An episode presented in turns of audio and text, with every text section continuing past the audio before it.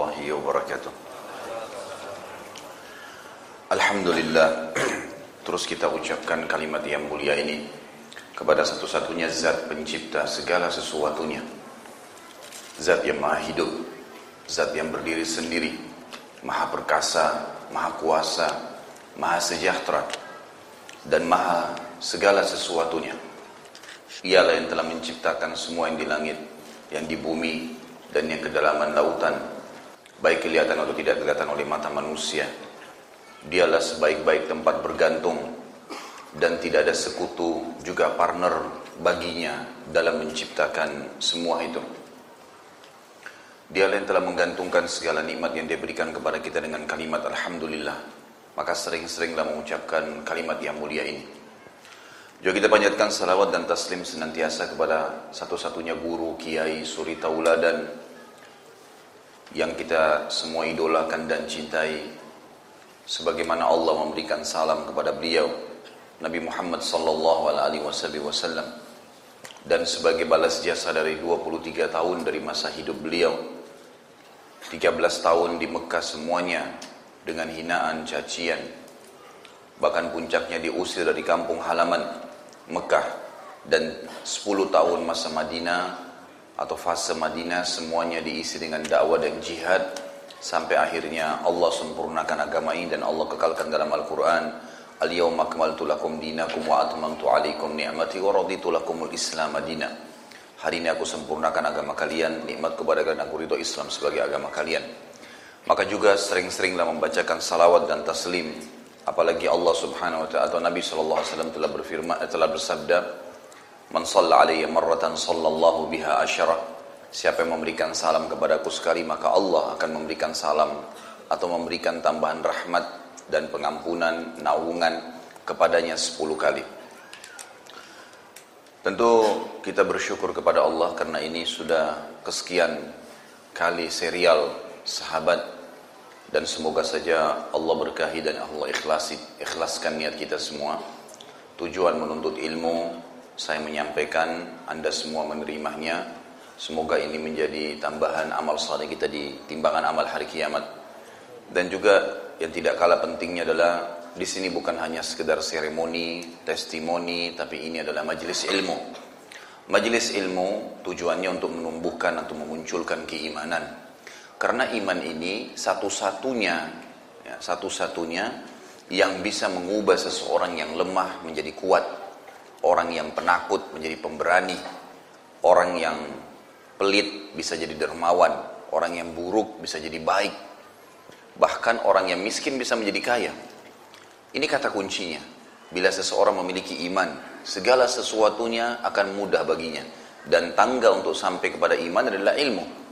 Maka majelis ilmu seperti inilah yang akan mendongkrak iman setiap muslim dan muslimah. Makanya saya sarankan ikhwan dan akhwat sekalian agar jangan pernah meninggalkan majelis ilmu. Sehari tetap harus ada mendengarkan tausiah, membaca Al-Quran, membaca hadis Nabi Shallallahu Alaihi Wasallam sehingga imannya terus terjaga dan bertambah. Pagi ini bahasan kita tentang seorang tokoh yang luar biasa, Sa'ad bin Abi Waqqas radhiyallahu anhu. Saat bin Nabi Waqqas, setiap kali saya buka lembaran tentang kisah beliau, saya takjub sekali. Sebagaimana memang selalu takjub membaca kisah para sahabat yang lain. Saya terus terang tidak bisa menangkap bagaimana bisa generasi muda kita hilang dan tidak baca tentang kisah-kisah tokoh-tokoh orang seperti ini. Tokoh yang luar biasa, memimpin dunia, memimpin pasukan, orangnya kaya raya, sempurna secara fisik. Tidak ada sesuatu yang diidolakan oleh manusia sekarang, kecuali di figur-figur sahabat ini semuanya ada. Tetapi mereka menonjol dari sisi keimanannya dan keyakinannya kepada Allah. Setiap kita buka lembarannya dari pertama masuk Islam sampai akhir meninggal, semuanya diisi dengan keyakinan yang sangat luar biasa. Dan ternyata memang saya mengambil sebuah kesimpulan, kekuatan orang Islam memang di keyakinannya. Jadi bukan atau kekuatan manusia secara umum ya. Kalau seseorang ingin meloncati sebuah tempat, walaupun besar, kalau dia yakin dia bisa, insya Allah dia berhasil. Ya. Atau dengan keyakinan tersebut dia yakin meminum obat akan sembuh dengan izin Allah, tentu saja dia akan sembuh. Semua diikuti dengan keyakinan. Kalau orang ragu, bimbang, maka tidak bisa keluar potensi yang ada dalam dirinya. Dan subhanallah ini asas agama kita. Meyakini kita tahu keenam rukun iman kita semuanya masalah keyakinan. Dan dengan itulah para sahabat Nabi, para orang-orang soleh sebelum kita, dan sebelumnya lagi para nabi-nabi membangun kehidupan mereka. Kita akan temukan nanti dalam kehidupan tokoh kita ini Sa'ad bin Abi Waqqas radhiyallahu anhu sesuatu yang luar biasa. Ya. Bagaimana jiwa yang menonjol dari beliau adalah jiwa patriot, patriot ya, jiwa kepatriotan yang sangat luar biasa. Ya, jadi beliau memang seorang pejuang yang tidak akan pernah takut mati karena dia tahu mati sebuah pintu untuk mendapatkan apa yang telah Allah yang dia yakini sebagai Tuhannya untuk didapatkan. Jadi pintu yang untuk masuk. Tanpa mati tidak akan mungkin mendapatkan apa yang selama ini dijanjikan oleh Allah subhanahu wa ta'ala.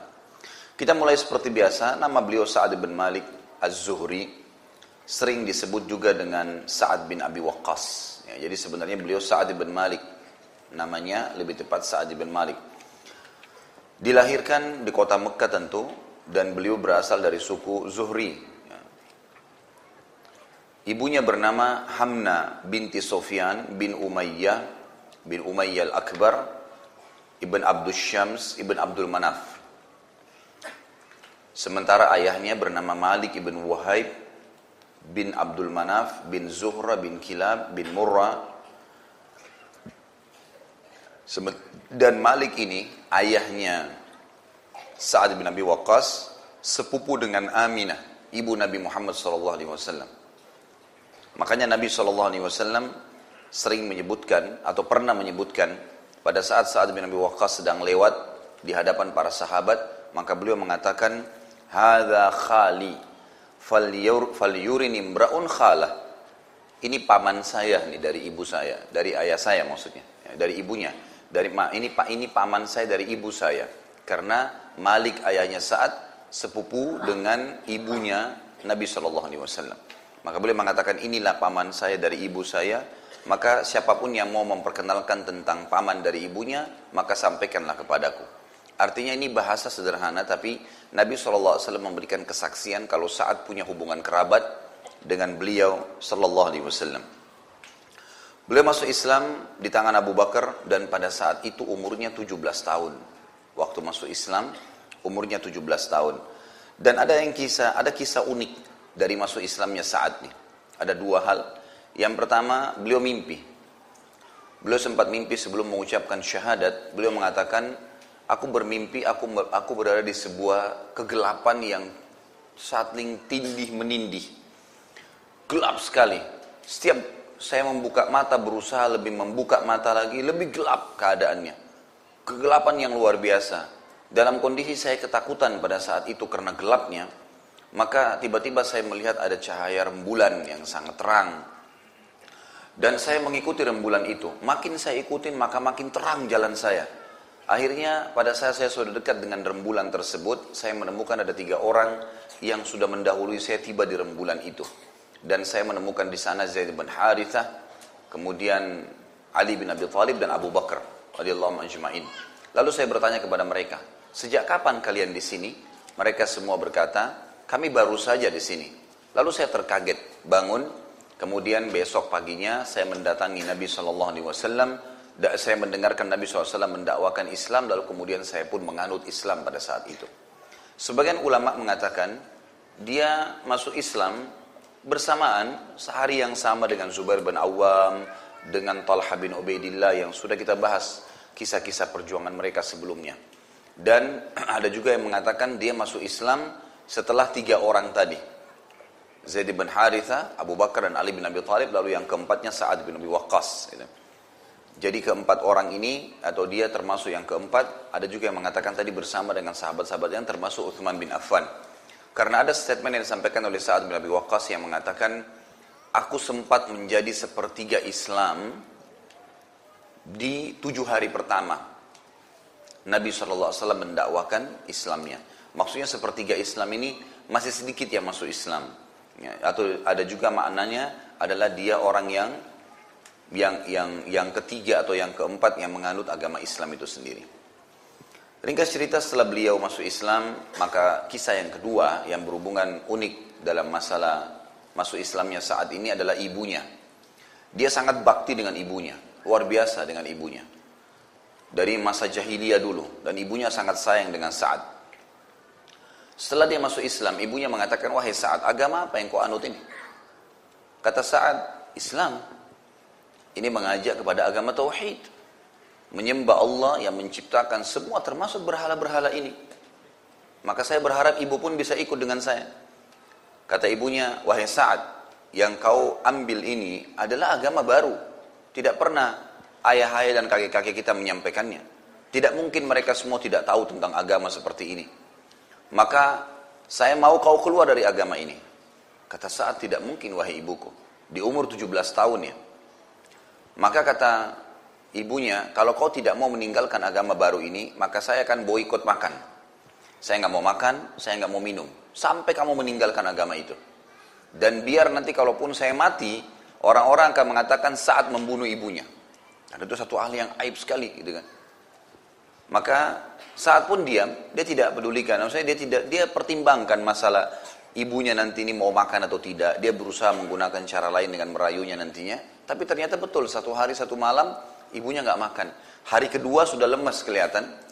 Kemudian ibunya pun kelihatan lemas, mau dikasih air oleh saat nggak mau, mau dikasih makan nggak mau, lalu saat dekatin sambil berkata membisikkan ibunya kalimat yang luar biasa. Di umur 17 tahun orang baru masuk Islam berapa hari ini? Inilah yang saya bilang tadi asas keyakinan tuh. Maka kata saat wahai ibuku, kalau seandainya engkau memiliki seribu nyawa, bukan satu, seribu nyawa, dan satu persatu hilang gara-gara kamu nggak makan dan minum untuk mengeluarkan saya dari agama ini, saya tidak akan keluar. Percuma aja. Biar biar anda melakukan ini sampai seribu nyawa ya, ada ada cadangan, tetap saya tidak akan tinggalkan. Lalu saat pun berdiri dan meninggalkan ibunya. Bukan niat durhaka ya, tapi menunjukkan bahwasanya Islam lebih dipilih daripada kekufuran walaupun orang tuanya.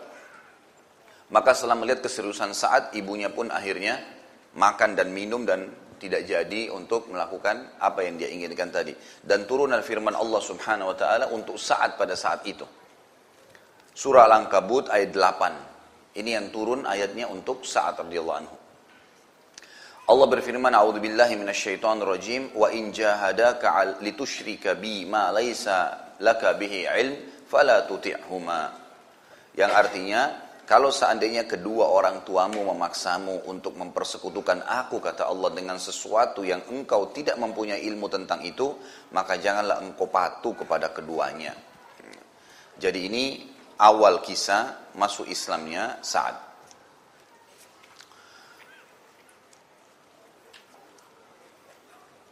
Ada beberapa pelajaran dulu yang akan kita sebutkan.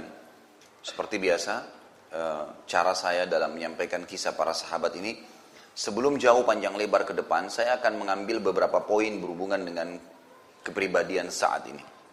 Yang pertama nanti kita akan temukan banyak sekali jiwa kesatria, patrio, eh, patriolisme. Jadi dia sangat luar biasa eh, dari sisi keberanian, ya, keberanian. Jadi dia sudah tahu, dia sudah jadikan sebagai pegangan kalau Allah itu benar sebagai Tuhan, Rasulullah SAW menyampaikan sesuatu yang benar dan ya, apa pun yang dijanjikan nanti di akhirat benar. Serta tidak ada pintu masuk ke sana kecuali kematian. Maka beliau satu kunci, setiap memimpin peperangan selalu menang karena tidak pernah takut dengan kematian. Apa pun tantangannya di depan dia akan lalui. Dan ini jiwa kesatria yang luar biasa dan nanti kita akan lihat sebagaimana judul kita saat bin Abi Waqqas sang penakluk Persia. Wilayah Persia semuanya takluk di tangan Sa'ad radhiyallahu anhu. Dan ini wilayah Persia masuk dalamnya Rusia, Iran, Irak, Afghanistan. Dan dengan terbukanya itu maka seluruh dakwah sampai ke kita di Indonesia di Asia Tenggara juga sampai setelah itu di zaman Uthman bin Affan. Karena banyak dai-dai yang menyebar dari wilayah-wilayah ini. Dan kita tahu dari wilayah Persia inilah lahir enam ulama hadis kita. Bukhari, Muslim, Abu Dawud, Tirmidzi, Nasai, Ibnu Majah. Ya.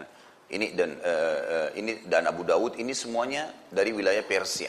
ya, dari wilayah Persia yang memang pada saat itu ekspansi Islam dilakukan oleh Umar bin Khattab yang dipimpin oleh Sa'ad bin Abi Waqqas radhiyallahu anhu. Bagaimana bisa muncul jiwa kesatriaannya? Setelah saya baca kisahnya, yang pertama yang dia tanamkan adalah pengenalan terhadap Tuhan yang maha segala sesuatunya, Allah subhanahu wa ta'ala. Dia tidak pernah takut, tidak pernah tunduk kecuali kepada Allah. Dia berpegang pada konsep itu. Sehingga jiwa kesatria muncul. Karena tidak akan pernah takut kepada siapa pun. Sebesar apa pun bentuk makhluk yang sedang ada di hadapannya. Sekuat apa pun pasukan musuh Nanti kita lihat 30 ribu pasukan saat melawan 240 ribu pasukan Persia. Tapi tidak sama sekali gentar dengan keberanian yang luar biasa. Bahkan banyak hal-hal yang unik nanti yang kita lihat dalam peperangan saat bagaimana dia memimpin peperangan yang tidak masuk di akal manusia. Manusia normal nggak mungkin lakukan lah gitu. Artinya dalam arti kata sini perbuatan normal di mata manusia gitu kan. Yang tidak punya iman. Kalau orang punya iman pastinya adalah hal-hal biasa. Gitu. Tapi saat menunjukkan itu dalam kancah peperangan. Kemudian keyakinan yang kedua tentang benarnya janji-janji Allah. Terutama yang berhubungan dengan masalah akhirat. Ini sangat kental dalam jiwa saat radhiyallahu anhu. Luar biasa kentalnya. Jadi dia tahu begitu mati ditusuk musuh masuk surga. Gitu. Udah itu konsepnya. Jadi dia tidak pernah takut dengan masalah-masalah berhadapan dengan kematian. Kemudian juga kesadaran kalau akhirat tempat kita. Dan ini sebuah poin juga yang saat tanamkan dan kita ambil itu. Kesadaran di dalam jiwa para sahabat termasuk saat di sini kalau akhirat adalah tempat orang-orang beriman, tempat manusia asalnya. Kita kan ini dari surga. Adam alaihissalam diciptakan oleh Allah diletakkan di surga dengan istrinya Hawa gitu ya. Kemudian karena ada satu dua hal yang kita tahu Nabi Adam alaihissalam memakan khuldi dengan istrinya kemudian Allah swt turunkan di bumi maka turun ini hanya sementara Allah Subhanahu wa taala jadikan cobaan di muka bumi ini untuk kita kembali nanti ke akhirat sana dengan memperbaiki jabatan atau derajat kita. Jadi nanti di sana kita akan mendapatkan derajat-derajat yang lebih tinggi lagi dengan mengikuti perintah Allah dan kita akan ya, dengan meninggalkan larangan juga akan mendapatkan derajat yang tinggi di surga. Serta orang-orang yang durhaka, maka tempatnya sudah bukan masuk lagi ke surga, maka akan dilempar ke dalam api neraka. Kemudian ada dua, ada poin itu poin pertama ya, bagaimana munculkan kesatria, jiwa kesatriaan, ya, keberanian, mau berperang, mau membela agama Allah, membela kebenaran, karena mengenal Tuhannya Allah dan tertanam dalam jiwanya masalah itu, keyakinan tentang benarnya janji-janji Allah dan juga mengetahui akhirat tempat kembali. Jadi dunia hanya tempat mampir sementara. Yang kedua, yang saya lihat Bagaimana saat bisa terbentuk dengan sahabat-sahabat Nabi yang lain, terutama saat tokoh kita ini, karena ada pemaksimalan generasi muda. Dan ini yang saya lihat sekarang hilang dari kaum muslimin. Kebanyakan generasi muda kita ini hilang. Hilangnya ini dalam arti kata hilang, tidak mengenal Allah subhanahu wa ta'ala. Kita temukan sekarang anak-anak muda kita SMP, SMA, dianggap biasa bagi mereka dan bagi orang tuanya atau lingkungannya. Kalau mereka itu coba-coba rokok, kalau mereka itu coba-coba minuman keras, kalau mereka coba-coba pergaulan bebas, kalau mereka yang mereka lakukan adalah menonton film-film yang tidak benar. Ini yang salah nih. Di sini titik awal salahnya. Karena ternyata saat bin Abi Waqqas terbentuk kepribadiannya. Nanti akan kita lihat perannya yang luar biasa dalam atau kiprahnya dalam menyebarkan Islam ini. Justru karena di umur 17 tahun itu dia menganut Islam dan pada saat itu tidak ada sesuatu pun tidak ada sesuatu yang merusak kejiwaannya. Tidak ada tontonan yang salah gitu kan, yang bisa merusak akidahnya. Tidak ada dia langsung berbaur dengan Nabi SAW dan sahabat-sahabat yang lebih tua dari dia. Kemudian dia langsung mengambil ilmunya berpegang pada kebenaran itu. Sayang ya generasi muda kita saya yakin teman-teman juga di sini mungkin sudah sefaham dengan saya di Indonesia sudah satu hal yang biasa itu. Nanti aja tobat setelah SMA, gitu kan. Atau mungkin dianggap kuliah lah baru orang itu dewasa. Kalau SMP, SMA nggak masalah lah. Ya, mereka masih baru mau coba dulu biar tahu juga. Ini keliru. Tidak ada istilah biar tahu ya. atau supaya tahu itu nggak perlu. Tidak perlu tahu kemaksiatan, tidak perlu tahu keburukan. Kita cuma sekedar mengenang sebuah teori berhubungan dengan keburukan dan kita menerapkan kebenaran dalam hidup kita. Itu yang diperlukan. Sehingga generasi yang muncul, generasi Rabbani memang mengenal Tuhannya. Generasi kita jauh lebih kenal siapa itu Spiderman, siapa itu Batman, siapa itu ya tokoh-tokoh yang dongeng semuanya, gitu kan, dibuat oleh orang-orang non Muslim Sehingga dan dengan tontonan yang menarik sehingga akhirnya generasi muda kita bukan lagi bukan lagi mengenal Tuhannya Allah Subhanahu wa taala, terbawa dengan arus kehidupan orang-orang kafir yang memang tidak mengenal Tuhannya. Maka tidak ada generasi yang siap untuk membela Palestina kayak sekarang setengah mati butuh bantuan, tidak ada tenaga pasukan yang bisa membantu mereka. Kalau di zaman dulu luar biasa gitu. Di zaman di zaman khilafah Abbasiyah di salah satu khalifah namanya Mu'tasim, pernah di satu perbatasan wilayah Islam dengan Rusia, ya, sebagian wilayah yang belum kena dakwah Islam, itu ada di Hamuria namanya. Ada satu orang yang eh, prajurit-prajurit Persia waktu itu yang menarik-narik uh, jilbab seorang wanita muslimah. Kemudian wanita ini mengatakan, wa mu'tasima. Wah ini bahasa Arab seperti mengeluh. Wahai mu'tasim tolonglah saya. Mu'tasim waktu itu khalifah. Dan dia ada di Irak. Sementara ini di wilayah Hamura, Hamura ini jauh sekali, perbatasan ujung Rusia, gitu kan, sudah perbatasan dengan Cina. Maka si prajurit itu berkata, apakah ya, Mu'tasim akan datang kepadamu, membantumu dengan menggunakan keledai? Artinya saking jauhnya khalifah kamu itu, sampai dia mau datang ke sini menggunakan keledai dan menolongmu, gitu kan. Maka ada satu satu orang muslim lewat di situ kebetulan, lihat. Tapi dia nggak punya kekuatan untuk membantu karena itu memang wilayah sudah lebih masuk ke wilayahnya orang-orang non muslim ini.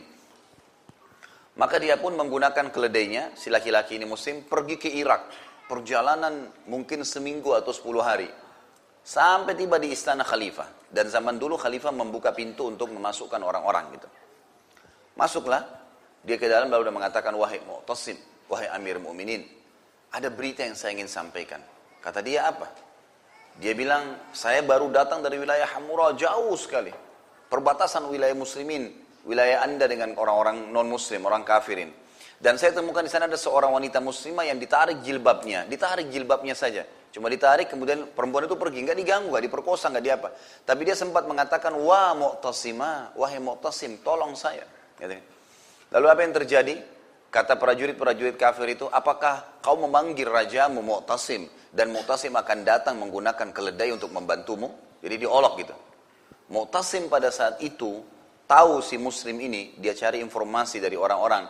Kalau orang ini memang seorang muslim, ada orang-orang di pejabat-pejabatnya dia di kerajaan ditanya, siapa orang ini? Dipastikan dari suku ini, dari suku ini, orang ini ketahuan memang orang yang jujur.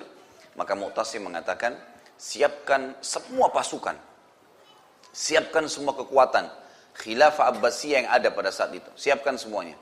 Dan saya akan memimpin sendiri pasukan untuk menuju ke Hamura. Dan siapkan buat saya keledai.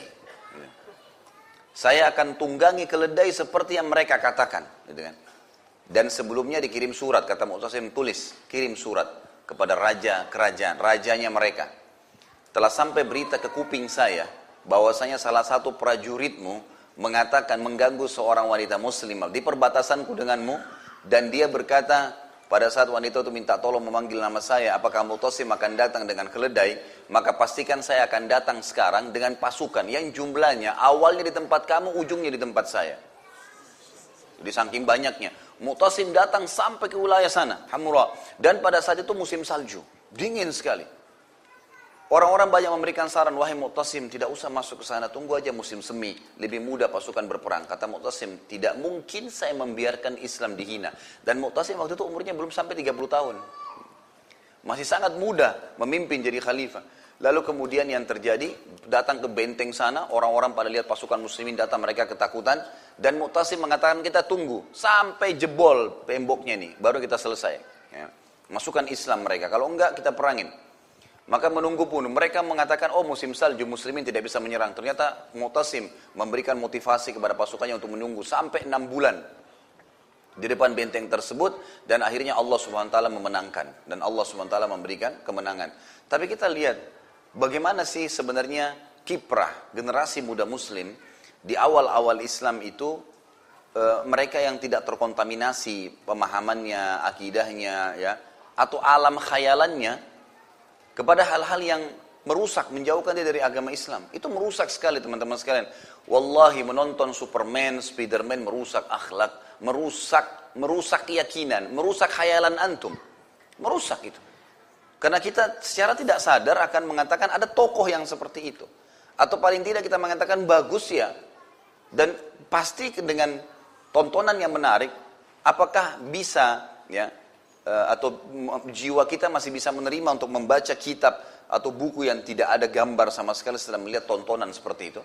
Pastilah generasi mudanya tidak akan mau karena itu sudah menarik, gitu kan?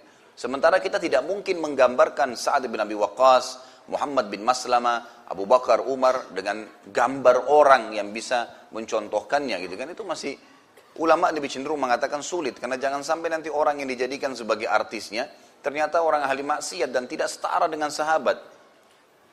Tapi ternyata ya dengan tidak dengan itu pun kita bisa asal jangan ikut-ikutan. Memang tidak bisa. Ini kalau tembok rumah jebol. Udara lagi dingin. Maksud saya di sini adalah sekarang ini media, ya, perusakan-perusakan akhlak dan moral yang dilemparkan ke tengah-tengah umat Islam, pergaulan bebas lah, tokoh-tokoh khayalan lah yang diangkat.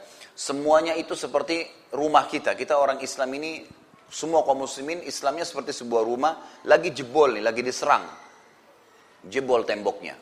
Ada tembok yang jebol dan udaranya dingin, masuk udara itu. Ada dua cara. Cara yang pertama adalah kita berselimut. Melindungi diri kita dari dingin itu. Ini bisa terjadi dan ini yang sekarang umat Islam lakukan. Tetapi cara ini sangat riskan karena bisa saja selimut kita kita tertidur selimutnya tersingkap atau mungkin selimut kita tidak mungkin terus-menerus kita kaku satu tempat bergerak sedikit maka ada tubuh kita yang tetap kena dingin atau ruangan tetap akan terkena dingin itu minimal gitu kan artinya mungkin ada benda-benda lain di situ yang akan terganggu dengan dingin tersebut ya. Cara yang kedua dan ini yang efektif, ini yang kita butuhkan sekarang. Menutup tembok itu. Ditutup lubangnya, didatangkan semen, batu bata, ditutup. Sehingga biar kita tidak berselimut pun tidak ada masalah. Maksud saya begini, memang media-media sekarang teman-teman sekalian harus ditutup, nggak boleh ditonton. Memang nggak bisa. Tutup itu. Karena kalau antum bilang, oh nggak apa-apa, saya cuma sekedar mau lihat beritanya. Seperti orang pakai selimut tadi. Kira-kira antum bisa tergelincir nggak? Masih bisa setelah itu ternyata masuk sinetron, ternyata masuk ini, ternyata masuk itu, ternyata masuk iklan, masih ada. Memang harus ditutup, nggak bisa. Karena kalau kita buka akan ada kenikmatannya memang. Maka seperti tadi kasusnya, pasti akan tercoreng keimanan kita. Makin kental hubungan seorang hamba dengan Allah Azza wa Jal, makin kental ibadahnya, makin fokus dia terus ibadah kepada Allah, maka makin kuat hubungannya dengan Allah dan memang nanti akan akan dek, makin dekat dengan akhirat, makin mudah untuk memunculkan jiwa kesatria dalam membela agama, makin yakin dengan kebenaran ini. Memang begitu. Makanya orang-orang non-muslim tahu tuh, dia cekokin di tengah-tengah umat Islam masalah-masalah seperti ini. Kembangkan hal-hal yang berbau syahwat, kembangkan hal-hal yang melakukan, oh ini masa muda, istilah-istilah, oh ini modern, gitu kan. Lalu kemudian kalau orang dekat dengan agama, oh itu garis kelas, ya kan? Itu teroris, itu begini, itu begitu. Jadi itu kampungan, itu klasik, kolot benar sih dan seterusnya, beragam macam istilah. Maka ini harus kita perbaikin nih, karena memang generasi muda ini kapan salah, maka akan salah, semuanya salah. Saya melihat kalau di Madinah misal contoh, ada beberapa teman-teman saya, Masya Allah anak-anaknya itu kalau ketemu satu sama yang lain, yang paling pertama dia tanya temannya, anaknya umur 5 tahun, 6 tahun, sudah selesai belum hafal Qur'annya? Pertanyaan pertamanya itu. Anak kamu siapa namanya? Oh Ahmad. Sudah selesai hafal Qur'annya? Oh belum, baru 17 juz. Yang satu, kamu berapa? Oh saya baru 20 juz. Begitu pembicaranya. Anak 5-6 tahun tuh. Itu sudah biasa. Gitu kan. Saya kaget kemarin ada seorang anak kelas 6 SD di Jeddah itu diwawancarain dan dia lagi ada di perpustakaan ayahnya, dia menghafal, menghafal ya 30 juz Al-Quran dan 9 buku hadis. Hafal, kelas 6 SD. Diwawancarain oleh orang tersebut, kamu bagaimana caranya hafal? Dia bilang, saya setiap pulang sekolah, saya duduk di perpustakaan. Saya nggak keluar-keluar, ikutin ayah saya. Karena ayah saya selalu baca buku, saya pun ikut baca buku. Dan ayah saya tuntun saya untuk hafal. Jadi ternyata potensi anak muda ini beda dengan orang yang sudah tua. Dia mau tahu semuanya, gitu kan? Dia mau tahu apa saja dan itu tergerak dengan gira, dengan semangat yang besar. Jadi mungkin hal-hal yang mustahil bagi kita, tidak mustahil bagi anak-anak yang masih SD, masih SMP, semangatnya untuk ingin tahu. Bayangkan kalau ini dialihkan ke hal-hal yang lain yang negatif, maka berbahaya sekali, gitu kan? Apalagi kalau bertemu antara potensi yang lagi berpuncaknya, lagi semangat yang besar dengan dengan mengkhayal, muncullah pemikiran-pemikiran yang buruk. Kita tahu dalam Al-Quran ada kisah Ashabul Kahfi, kisah anak-anak muda disebutkan sebagian uh, athar menyebutkan di bawah 25 tahun umur-umur mereka. Karena mereka beriman kepada Allah, berpegang pada keyakinannya, maka Allah pun selamatkan mereka di gua, gitu kan? Kita tahu hadis Nabi Shallallahu alaihi wasallam, tujuh orang yang dinaungi Allah Subhanahu wa taala salah satunya anak muda gitu kan? Yang tumbuh dalam ketaatan Allah Subhanahu wa taala. Jadi memang ini generasi muda ini harus luar biasa. Jangan ikhwah dan akhwat sekalian, garis bawahi kalimat ini. Jangan keburukan-keburukan yang dulu menimpa kita karena kita dulu suka pernah mencuri mangganya tetangga atau pernah memukul anak tetangga atau pernah mencuri masuk ke toko orang. Saya sering soalnya dengar cerita seperti itu ya. Kemudian kesannya kalau anaknya melakukan, oh iya saya juga dulu pernah lakukan. Artinya nggak apa-apalah gitu. Ini satu hal yang negatif. Mestinya apa yang sudah mengganggu kita dulu yang salah, sekarang kita sudah tahu jangan, gitu kan? Jangan wariskan keburukan kepada anak-anak. Biarkan mereka tumbuh menjadi generasi yang memang mengenal Tuhannya. Karena ini satu-satunya cara sebenarnya untuk mengembalikan kejayaan Islam. Karena generasi muda dimaksimalkan. Kemudian juga pelajaran nanti bagaimana di dalam Islam memberikan kepemimpinan itu diberikan kepada orang yang berhak untuk memimpin walaupun muda. Karena kita lihat Nabi Muhammad SAW memberikan kepemimpinan-kepemimpinan itu sangat luar biasa. Seperti misalnya Usama bin Zaid. Waktu diberikan pemimpinan pasukan memerangi Musailam al-Kadzab. Orang yang mengaku sebagai Nabi Jazirah Arab. Pasukan Usama bin Zaid. Di dalam pasukan itu ada Abu Bakar, ada Umar, ada Uthman, ada Ali, ada sahabat-sahabat Nabi yang mulia. Tapi Usama bin Zaid dengan umur 17 tahun, itu ditunjuk jadi pemimpin perang. Pemimpin perang artinya dia bilang perang-perang, dia bilang pulang-pulang, wajib dipatuhi. 17 tahun. Sekarang kalau kita lihat, jangankan anak-anak muda diberikan kesempatan memberikan saran dan masukan. Kalau duduk saja sama orang tuanya, sudahlah kamu pergi aja sana sama anak-anak. Ya kan? Kesannya jangan bergabung di sini. Padahal bisa saja saran-sarannya bagus, gitu kan? Mungkin malah dia tumbuh karena mendengarkan musyawarah-musyawarah yang terjadi, maka jadi baik. Nabi Sulaiman alaihissalam pada saat umurnya mencapai sekitar 18 tahun, ya, sempat ada dua orang ibu bertikai di kerajaan ayahnya Daud alaihissalam. Datanglah dua orang ibu, yang satu bikin dong bayi, yang satu datang ibu di sebelahnya menangis. Lalu kata Nabi Daud alaihissalam, kenapa? Ada apa dengan kalian? Kata ibu yang gendong bayi, ibu ini menuduh bahwasanya ini anaknya dia mengklaim anaknya. Memang dia menitip anaknya ke saya, kemudian dia pergi ambil air di kali. Datang serigala, serigala makan anaknya. Kemudian dia waktu balik, dia tidak bisa terima anaknya dimakan serigala, maka dia tunduh bahwasanya ini anak dia. Ini padahal anak saya. Kata Daud kepada ibu yang sedang menangis, bagaimana pendapatmu? Kata ibu tersebut, ya uh, wahai Raja Daud, saya tahu anak saya. Nggak ada ibu yang lupa wajah anaknya. Ini wajah anak saya. Lalu kata uh, si Nabi Daud kembali lagi kepada ibu yang tadi. Apa buktinya kalau itu anak kamu? Dia bilang anak saya berselimut warna biru. Anaknya dia berselimut warna hijau. Ini selimutnya warna biru. Nabi Daud tanya lagi kepada ibu yang tadi yang satu yang sedang nangis, benarkah? Dia bilang benar. Tapi wajahnya ini wajah anak saya. Intinya adalah ribut mereka berdua. Nabi Daud alaihissalam sempat hampir mengambil keputusan waktu itu sebagai raja, sebagai nabi, istihad pribadi mau mengatakan memberikan anak itu kepada ibu yang sedang menggendong. Karena dia sedang gendong betul selimutnya warna biru ya. Yang satu tidak punya saksi nggak ada saksi. Maka Sulaiman alaihissalam di umur 18 tahun sempat angkat tangan mengatakan sebentar ayah. Bolehkah saya terlibat di dalam keputusan sebelum anda ambil keputusan dalam perkara ini? Kata Nabi Daud silahkan. Belum jadi nabi masih 18 tahun maka Daud, eh, maka Sulaiman alaihissalam meminta kepada salah satu pengawal pedang, berikan saya pedangmu. Diberikan pedang.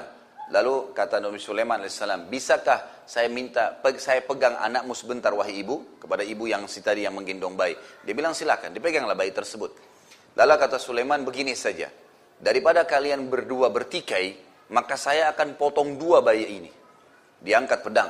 Saya akan potong dua bayi ini dan saya bagi dua daripada kalian ribut, gitu kan. Maka ibu yang tadi menggendong bayi itu mengatakan, baiklah, kalau memang itu keputusan anda wahai ya raja, dianggap raja juga Sulaiman alaihissalam. Terus tiba-tiba ibu yang satu ternyata sudah di dekat kaki Nabi Sulaiman dan menangis mengatakan jangan wahai raja, berikanlah anak itu kepada dia. Tidak usah dipotong dua. Artinya kasih aja kepada ibu tadi.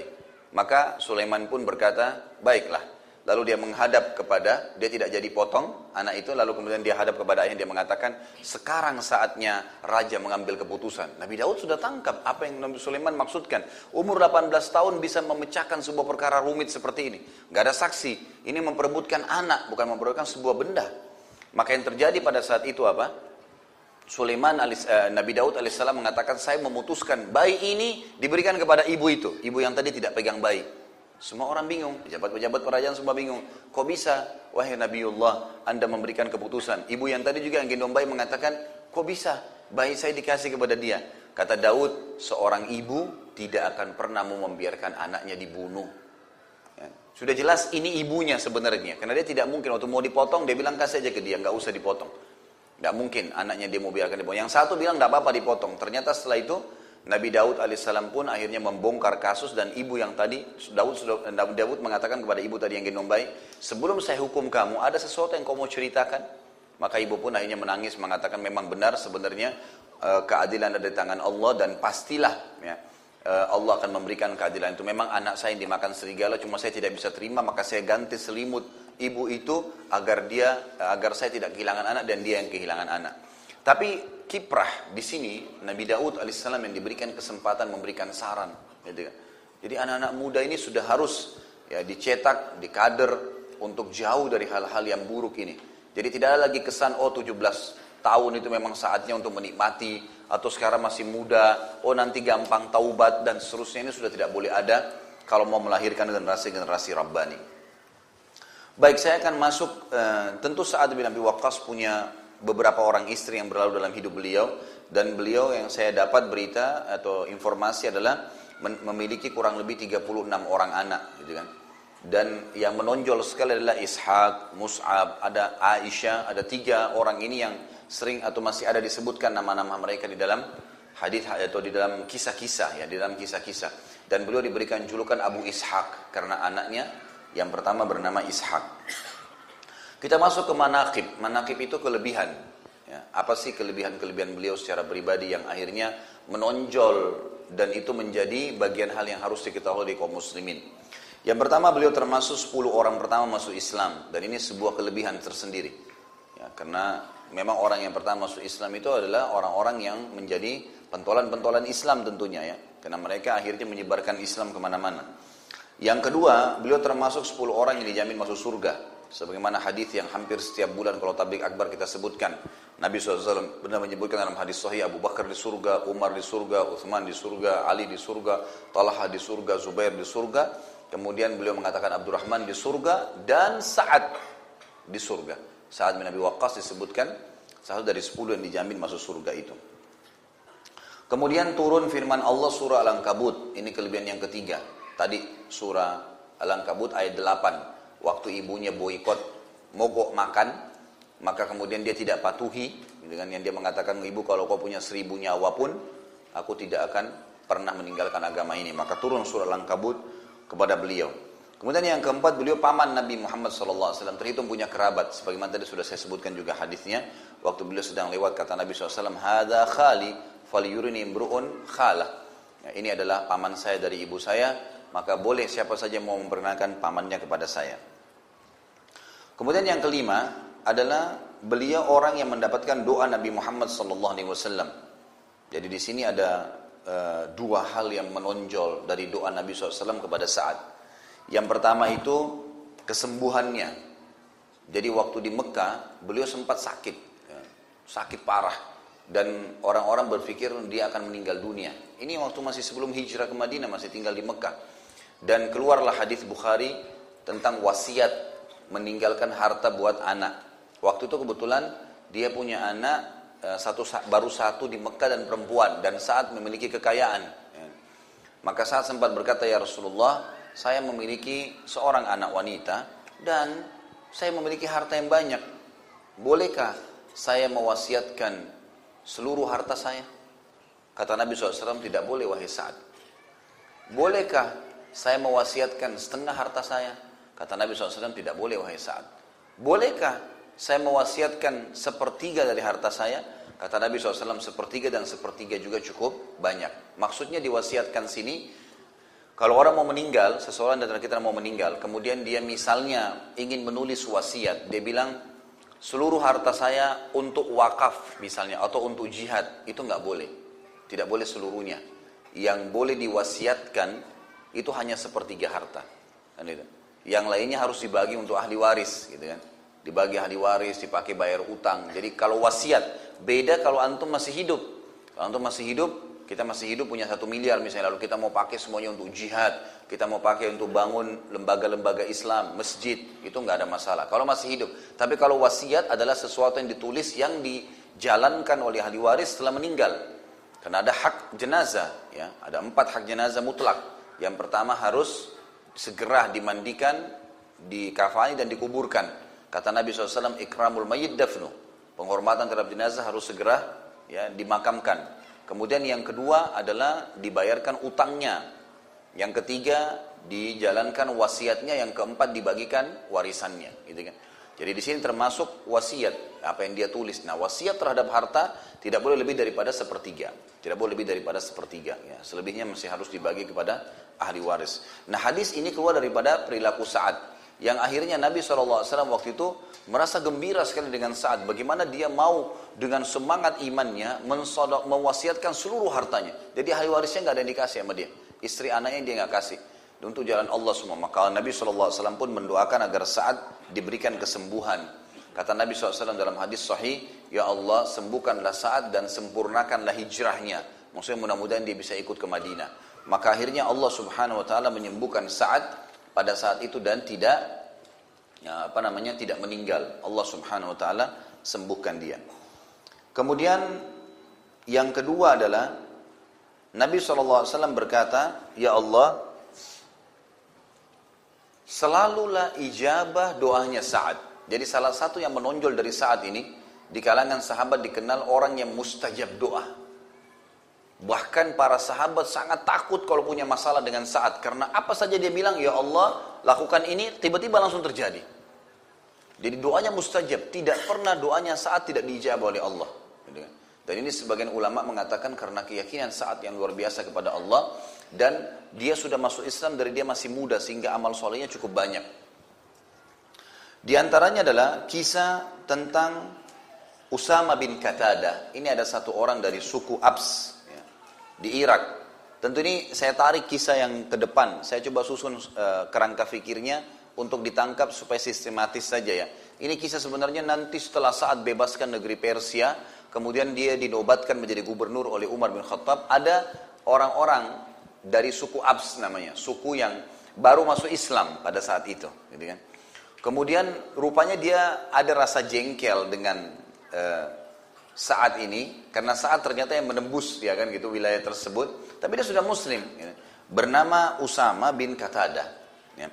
dan orang ini diberikan julukan Abu Sa'adah jadi sempat suratnya sampai ke Umar bin Khattab tapi tidak dijelaskan siapa cuma mengatasnamakan seluruh masyarakat Irak Umar bin Khattab pun akhirnya melihat surat tersebut Umar ini cirinya radhiyallahu anhu kalau terlihat ada satu pimpinannya yang dikeluhkan dan sudah banyak masyarakat yang menyampaikan keluhan, maka yang paling pertama dia mencopot dulu orang itu. Digantikan dengan orang yang dianggap tidak punya masalah, baru kemudian Umar bin Khattab menyelesaikan urusannya. Karena zaman dulu tidak ada komunikasi kayak kita. Gak ada pesawat bisa cepat datang. Zaman dulu tuh antara Irak dengan Madinah itu bisa jaraknya sampai 10 hari 2 minggu baru sampai gitu kan. Itu cukup jauh. Maka Umar pun akhirnya mencopot saat radhiyallahu anhu ditarik ke Madinah. Lalu keluhannya di situ adalah sesungguhnya wahai Amir Mu'minin saat ini tidak memperbaiki sholatnya. Sholatnya tidak benar nih, gitu kan. Maka Umar pun mengesal lalu berkata, wahai saat apa benar? Kamu ini sholat nggak benar? Kata saat wahai Umar, engkau mengetahui benar siapa saya. Sama-sama kita masuk Islam di Mekah. Bahkan saya lebih dulu masuk Islam daripada kamu. Saya adalah orang yang mengikuti sholat Nabi Shallallahu Alaihi Wasallam. Sebagaimana Nabi SAW di, ruak, di dua rakaat pertama sering membaca lebih panjang daripada dua rakaat terakhir di Isya, di Duhur, di Asar. Begitu pula dengan dua rakaat pertama Maghrib dan satu rakaat terakhirnya itu yang awal-awal rakaat pertama kemudian pasti lebih panjang daripada rakaat ketiga dan rakaat keempat. Dan saya sudah mengamalkan itu. Semuanya seperti dengan Nabi Shallallahu Alaihi Wasallam. Jadi tidak ada yang perlu diragukan. Maka kata Umar, kamu pasti benar wahai Abu Ishaq. Nggak mungkin kamu salah. Lalu Umar pun mengutus orang-orang untuk mendatangi seluruh wilayah Irak. Waktu itu didatangin. Tidak ada masjid kecuali dilewatin lalu ditanya tentang saat ini. Sampai akhirnya, ya, sampai akhirnya semua masjid menyebutkan tentang kebaikan saat Sampai tiba di masjidnya Bani Abs ini, suku Abs tadi. Dan kebetulan ternyata ini orang adalah kepala sukunya yang bernama Usama bin Qatada ini. Maka pada saat itu bertanyalah utusan Umar lalu dia mengatakan, sesungguhnya kalau kau tanya kepada kami, kata si Usama ini, sesungguhnya kalau kau bertanya kami tentang saat, maka saat itu tidak adil, saat itu tidak baik, saat itu begini, saat itu begitu, semua keburukan yang disampaikan sama dia. Maka dibawalah informasi tersebut ke Madinah. Kepada Umar, di sebelahnya Umar ada Sa'ad radhiyallahu anhu majma'in. Maka waktu Sa'ad dengar Sa'ad mengatakan, "Ya Allah, kalau seandainya hambamu ini dusta, hambamu yang di sana, maksudnya si Usama bin Qadara, dia dusta dan dia hanya sekedar mencari masalah serta akan mengganggu kedudukan muslimin karena kalau diganti amirnya pemimpinnya pasti akan kacau. Maka aku memohon kepadamu ya Allah agar engkau panjangkan umurnya dan engkau susahkan hidupnya dalam keadaan dia tua serta masukkan dalam hidupnya semua segala macam fitnah. Maka beberapa tabi'in mengatakan bahwasanya kami menyaksikan orang itu yang sudah didoakan oleh saat sampai umurnya sudah sangat tua mendekati 100 tahun sampai-sampai saking tuanya keningnya itu sudah turun dan menutupi matanya gitu ya. belum meninggal juga dan orang itu dalam keadaan miskin, meminta-minta makanan di jalanan. Tadinya dia kepala suku. Serta kerjanya setiap hari kalau ada perempuan lewat selalu digangguin sama dia. Dalam kondisi umur begitu, kena fitnah. Maka kami melihat doa saat kena kepada orang tersebut. Dan orang itu sering kali mengucapkan kata-kata, saya telah kena doanya saat, saya telah kena doanya saat. Ini salah satu riwayat yang menjelaskan tentang doa dia yang mustajab. Pernah juga satu kali saat radhiyallahu anhu waktu sudah pindah ke Madinah dari Persia, uh, kemudian Umar bin Khattab sempat tawarkan waktu itu, apakah kamu kembali jadi gubernur di Irak? Dia bilang tidak. Saya tidak akan pernah kembali ke wilayah yang sudah ada orang menyebarkan fitnah tentang saya. Saya lebih suka dengan Madinah. Walaupun tadi Persia ini semua takluk di tangan dia sebagaimana kisahnya akan kita sampaikan nanti. Maka Umar pun menerima, baiklah kamu silahkan di sini. Setelah itu sempat gubernur Madinah yang diangkat oleh Umar bin Khattab, ada seseorang yang bernama Marwan ibn Hakam. Marwan ibn Hakam ini, gubernur Madinah, sempat mengucapkan kata-kata begini. Uh, harta-harta yang kami bagikan untuk muslimin ini adalah harta kami. Kami pemiliknya. Ini punya saya dan saya bagikan. Saat itu dengar itu, saat merasa orang ini sudah merasa harta muslimin adalah hartanya dia. Tiba-tiba dia datangin istananya, ya tempat dia, seperti kita kalau sekarang mungkin kantor gubernurannya didatang lalu saat mengatakan, wahai Marwan, apa kau mau saya berdoa untukmu? Karena sudah ditahu, kalau dia berdoa mustajab. Marwan tiba-tiba dalam riwayat ini dikatakan loncat dari singgasananya mengatakan wahai Abu Ishak tolong jangan berdoa. Memang ini hartanya Allah bukan harta kami gitu. Jadi itu contoh karena orang-orang tahu tersebar berita pada saat itu. Kisah yang lain kisah dia dengan Umar bin Khattab. Umar pun khawatir dengan doanya saat. Jadi ada budaknya saat pernah jalan, kemudian ada angin yang kencang, tersingkap bajunya. Tidak sengaja gitu kan. Waktu tersingkap bajunya ternyata nyantol di sebagian tubuhnya sehingga orang ini tidak tahu kalau auratnya kelihatan. Umar bin Khattab pas lewat, Umar bin Khattab ini kalau lewat, di tangannya selalu ada tongkat. Ya. Jadi tongkat ini sering digunakan untuk mengingatkan orang kalau berbuat salah. Jadi Umar bin Khattab sering memukul, gitu kan kalau mengingatkan seperti kalau habis Isya, beliau sering keliling bawa tongkat. Kalau ada orang kumpul-kumpul di jalan ditanya, kenapa kalian kumpul-kumpul? Kalau bukan karena takziah, bukan karena ada orang sakit yang sedang dijenguk, kumpul-kumpul iseng, dipukulin sama Umar, pulang semua.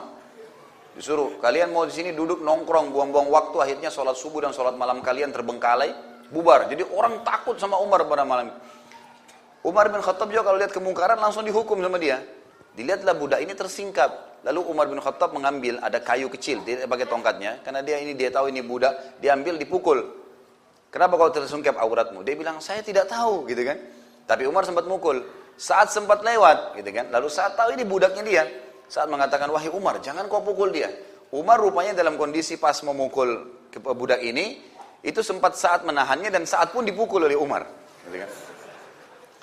Lalu saat mengatakan baiklah, saat ke samping angkat tangan. Mau berdoa. Lalu Umar bin lari ke, ke mengejar saat lalu memberikan tongkatnya mengatakan hukumlah saya. ini silakan kisosnya. Saya sudah pukul dia, pukul saya juga. Karena Umar pun khawatir ini kalau berdoa berbahaya nih.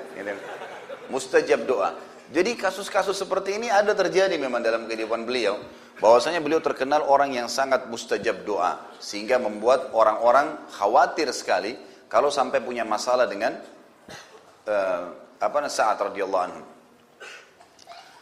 Beliau juga kelebihan yang selanjutnya ya. Ini manakib yang selanjutnya yang ke uh, enam adalah beliau menjadi penjaga Nabi Muhammad sallallahu alaihi wasallam. Ini disebutkan dalam riwayat seperti itu.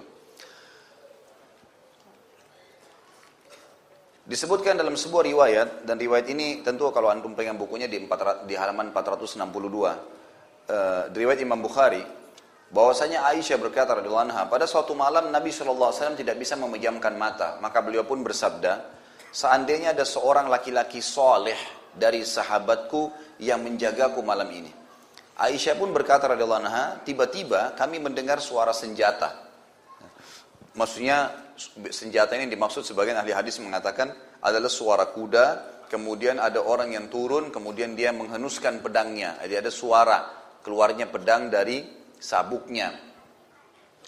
Maka Rasulullah di depan rumah Nabi SAW. Maka Nabi SAW berkata, siapa itu? Kata Sa'ad bin Abi Waqqas, aku ya Rasulullah. Aku datang untuk menjagamu. Maka Rasulullah SAW pun tidur dengan tenang sampai kata Aisyah aku mendengar dengkurannya. Ulama hadis menanggapi hadis ini mengatakan, waktu itu Allah subhanahu wa ta'ala sebenarnya ingin menyebutkan fadilahnya Sa'ad. Tetapi fadilah ini dengan hikmah ilahiyah. Dengan cara ilahi. Maka Nabi SAW dibuat gelisah pada saat itu untuk tidak bisa tidur. Maka beliau pun akhirnya berkata, coba seandainya ada orang saleh dari sahabatku. Berarti ada dua hal di sini. Nabi SAW memuji dia sebagai orang saleh dan memastikan dia adalah sahabat Nabi SAW. Gitu kan? Yang menjagaku malam ini dan tidak tahu kenapa saat radhiyallahu anhu bertepatan juga lewat di situ dan sempat mendengarkan kalimat tersebut. Maka dia pun mengatakan ya Rasulullah saya akan menjaga anda. Maka Nabi SAW pun merasa tenang dengan saat karena memang kekuatan fisik yang dimiliki dan juga keterampilan perangnya dan juga ya Nabi SAW merasa aman. Dia tidak akan mengganggu keluarga dan seterusnya. Seperti itulah gambarannya. Maka akhirnya Nabi SAW tertidur. Ini termasuk juga ya apa namanya fadilah yang dimiliki oleh Sa'ad radhiyallahu anhu. Kalau tadi hadis tentang Nabi SAW mendoakan Sa'ad agar diijabah doanya dan akhirnya Allah kabulkan itu hadis sahih riwayat Tirmidzi dan Hakim dan itu bisa dilihat di halaman 463 kalau yang uh, mengikuti uh, apa namanya bukunya ya. Kemudian yang ketujuh, beliau menghadiri semua peperangan Nabi Shallallahu Alaihi Wasallam. Tidak tertinggal satupun peperangan kecuali beliau hadiri. Dan beliau punya kiprah di beberapa peperangan seperti misalnya di perang Badar. Waktu ditanya di dalam sebuah riwayat, riwayat ini uh, disebutkan oleh Haythami dan Tabarani juga menyebutkan dengan sanad Hasan bahwasanya saat radhiyallahu anhu pernah ditanya, kapankah mulai doa anda mustajab? Kapan buktinya kalau doa anda mulai diijabah oleh Allah Subhanahu Wa Taala? Ini disebutkan dari Amir bin Syu'bi ya berkata saat bin Abi Waqqas ditanya kapan engkau mendapatkan doa yang terkabulkan? Kapan mulai teraplikasi doa Nabi untuk anda itu? Dia menjawab pada perang Badar. Pada saat itu aku melepaskan anak panah dari busurku di depan Nabi SAW ke arah musuh. Kemudian aku sambil berdoa sambil melepaskan busur panah tersebut, Ya Allah goncangkanlah kaki-kaki mereka, musuh-musuh itu. Buatlah hati mereka ketakutan dan lakukanlah terhadap mereka. Ya, artinya kalahkanlah mereka, binasakanlah mereka.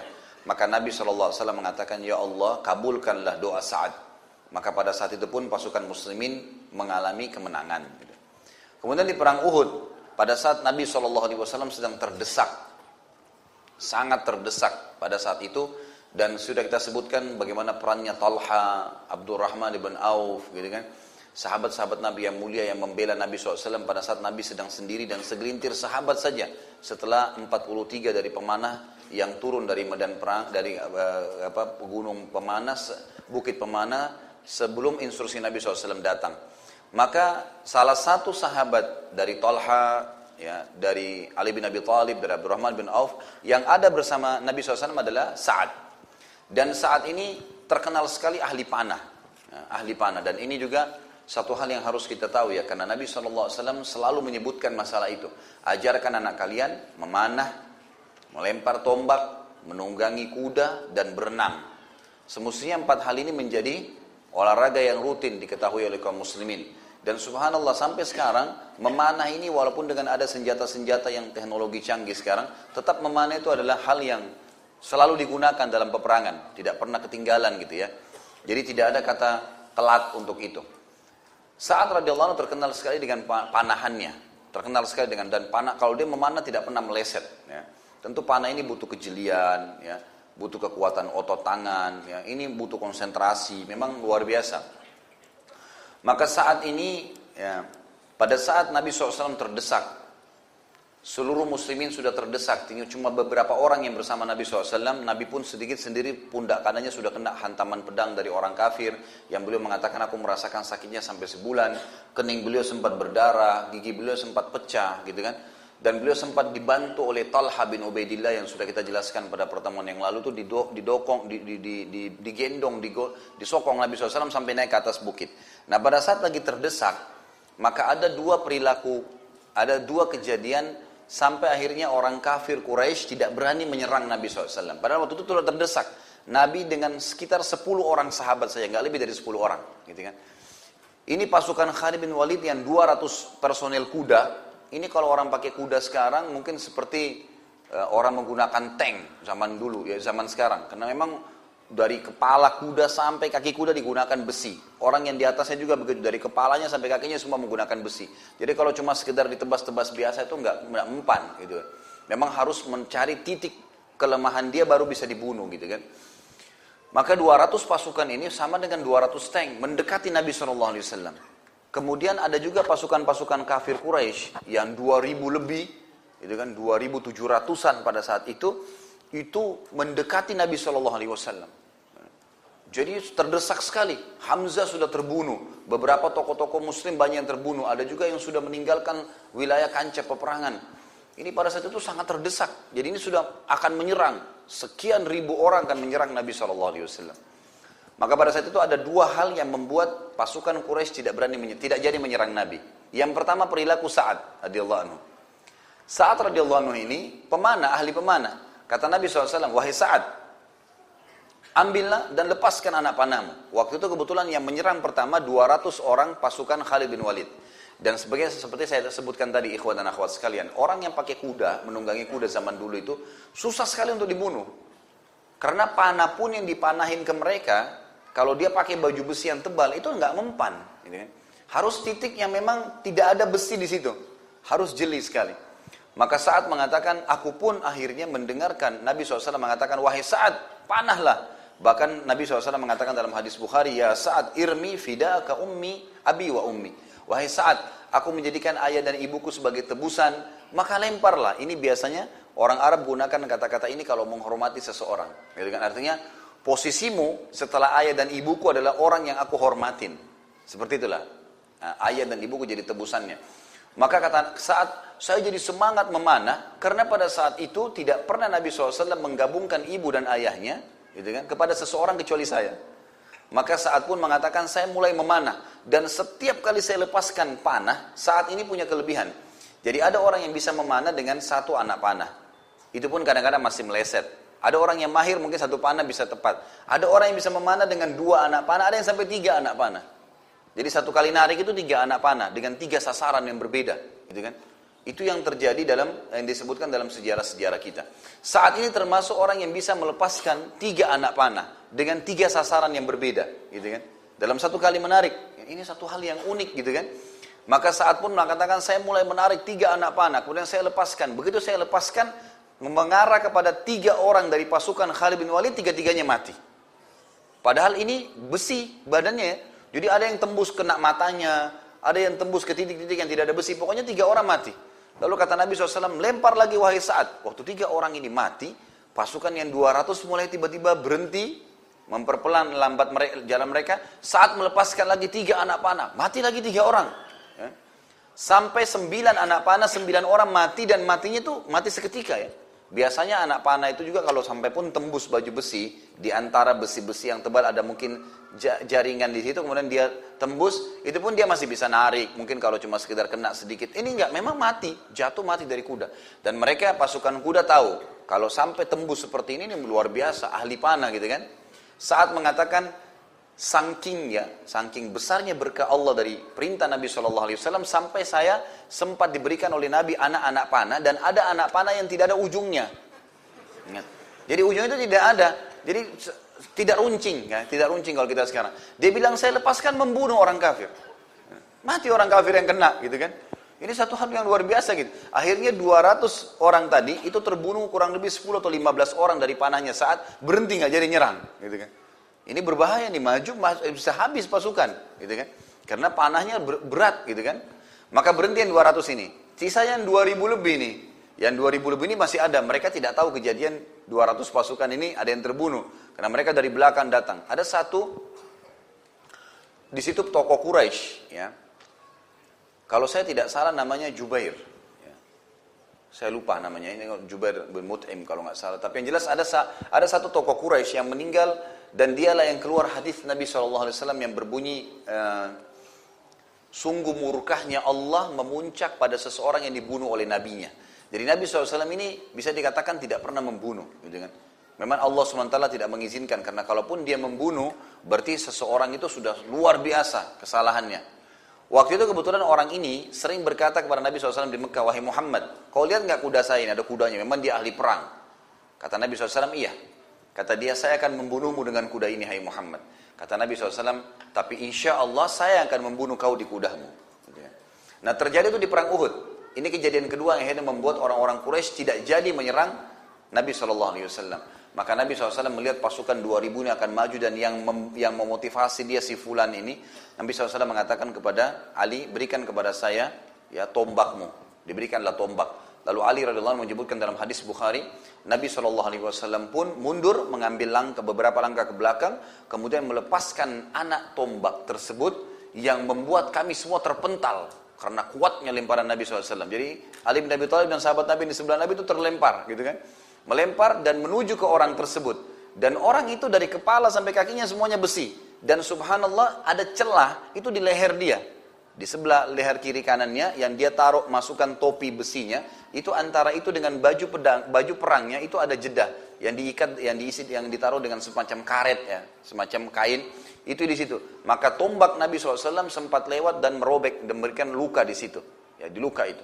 Maka orang ini pun ketakutan, nyusur darah dan dia jatuh dari kudanya. Dia mengatakan Muhammad sudah membunuh saya. Teman-temannya datang mengatakan, kau tidak apa-apa, cuma luka sedikit di leher kamu. Maka dia bilang tidak. Kalau Muhammad datang sekarang meniup saya, saya sudah mati. Gitu kan. Ya, saking takutnya dengan Nabi SAW. Ini tentu antum bisa kembali ke Sirah, sudah saya jelaskan di YouTube juga sudah ada. Tapi yang jelas, waktu itu dia pulang ke Mekah dan ternyata lukanya memang membengkak dan dia mati gara-gara perbuatan tersebut. Karena perilaku tadi lemparan tombak Nabi SAW membuat musuh orang-orang Quraisy tidak jadi untuk maju. Dan ini termasuk kiprah tadi yang saya sebutkan saat radhiyallahu anhu, di mana beliau uh, apa namanya di e, sempat melempar dan menahan orang-orang Quraisy. Pernah juga dalam satu kejadian di perang yang sama, di dalam riwayat yang lain disebutkan, ini disebutkan oleh Imam Muslim dalam kitab Fadhailus Sahabah, saat berkata, ada seorang musyrik yang memporak-porandakan pasukan kaum muslimin. Maka Nabi SAW bersabda kepadaku, lemparkan anak panahmu wahai saat, ayah dan ibuku sebagai tebusannya. Lalu aku mengambil sebuah anak panah yang tidak mempunyai ujung yang tajam. Tidak ada mata anak panahnya. Jadi zaman dulu tuh biasanya ditaruh uh, apa diruncingkan ujungnya. Ini tidak ada sama sekali, tidak ada runcingnya. Maka aku melepaskannya karena perintah Nabi SAW dan sempat mengenai kening laki-laki itu, lalu dia terjatuh Ya. Pada saat dia terjatuh, ada sesuatu yang terjadi yang unik dan terbuka auratnya. Keningnya yang kena, gitu kan? Dia mati, jatuh, auratnya bajunya terbuka, gitu. Maka pada saat terbuka auratnya, Nabi SAW tertawa sampai gigi geraham beliau terlihat. Artinya ini sesuatu yang unik terjadi di kancah peperangan, karena tiba-tiba terjadi begitu, maka Nabi SAW tersenyum dan tertawa. Dan ini peran saat radhiyallahu anhu di perang Uhud. Juga saat radhiyallahu anhu melihat malaikat di perang Uhud. Disebutkan dalam sebuah riwayat yang sahih riwayat Bukhari dalam Kitabul Maghazi dan Imam Muslim juga dalam Kitabul Fadail bahwasanya saat berkata aku melihat Rasulullah SAW di perang Uhud bersama dua orang laki-laki yang berperang membela beliau. Keduanya memakai baju putih, aku tidak melihat keduanya sebelum dan sesudahnya. Maka Al-Hafidh rahimahullah Ibnu Hajar mengatakan Keduanya adalah Jibril dan Mikail sebagaimana dinukil oleh sebagian sahabat-sahabat yang lain.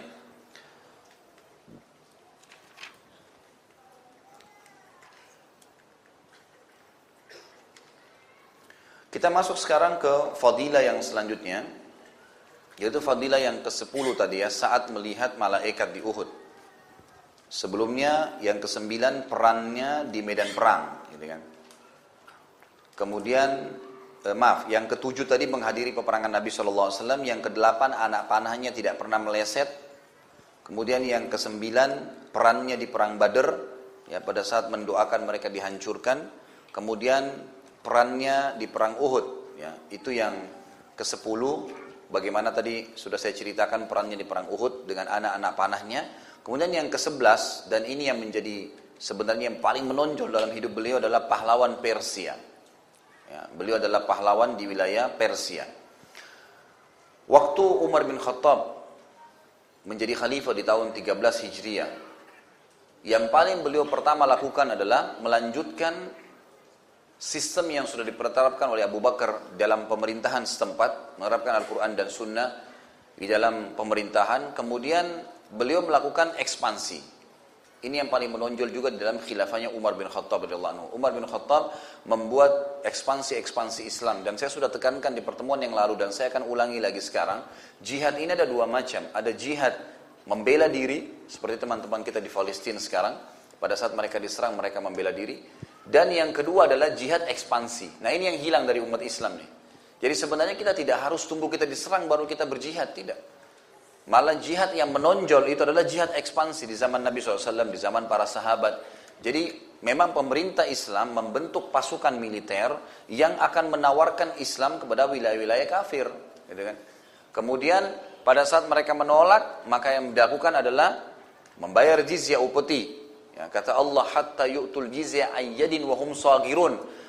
Kepung mereka, kata Allah SWT, tawarkan Islam. Kalau mereka nolak, mereka harus bayar upeti hatta yu'tul jizya an yadin wa hum saghirun.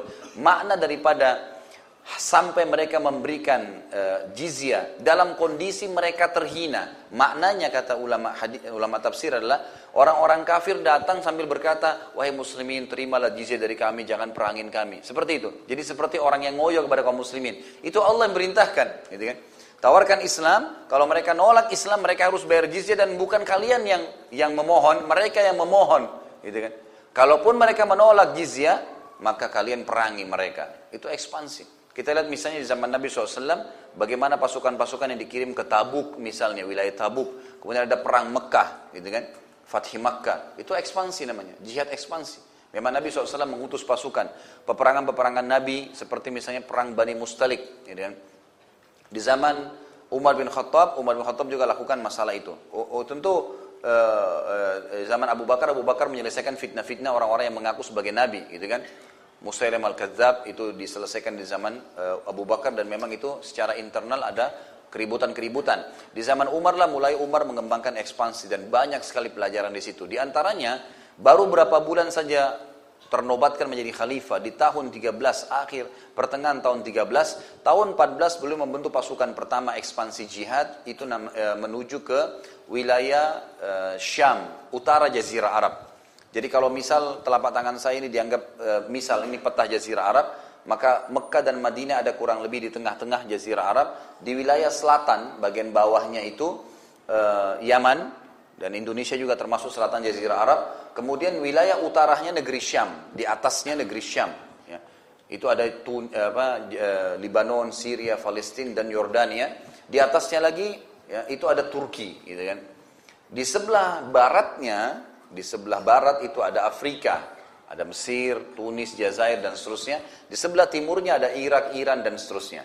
Nah, yang Umar radhiyallahu lakukan adalah Umar mengirim pasukan ekspansi yang paling pertama membuka wilayah uh, utara Jazirah Arab, negeri Syam.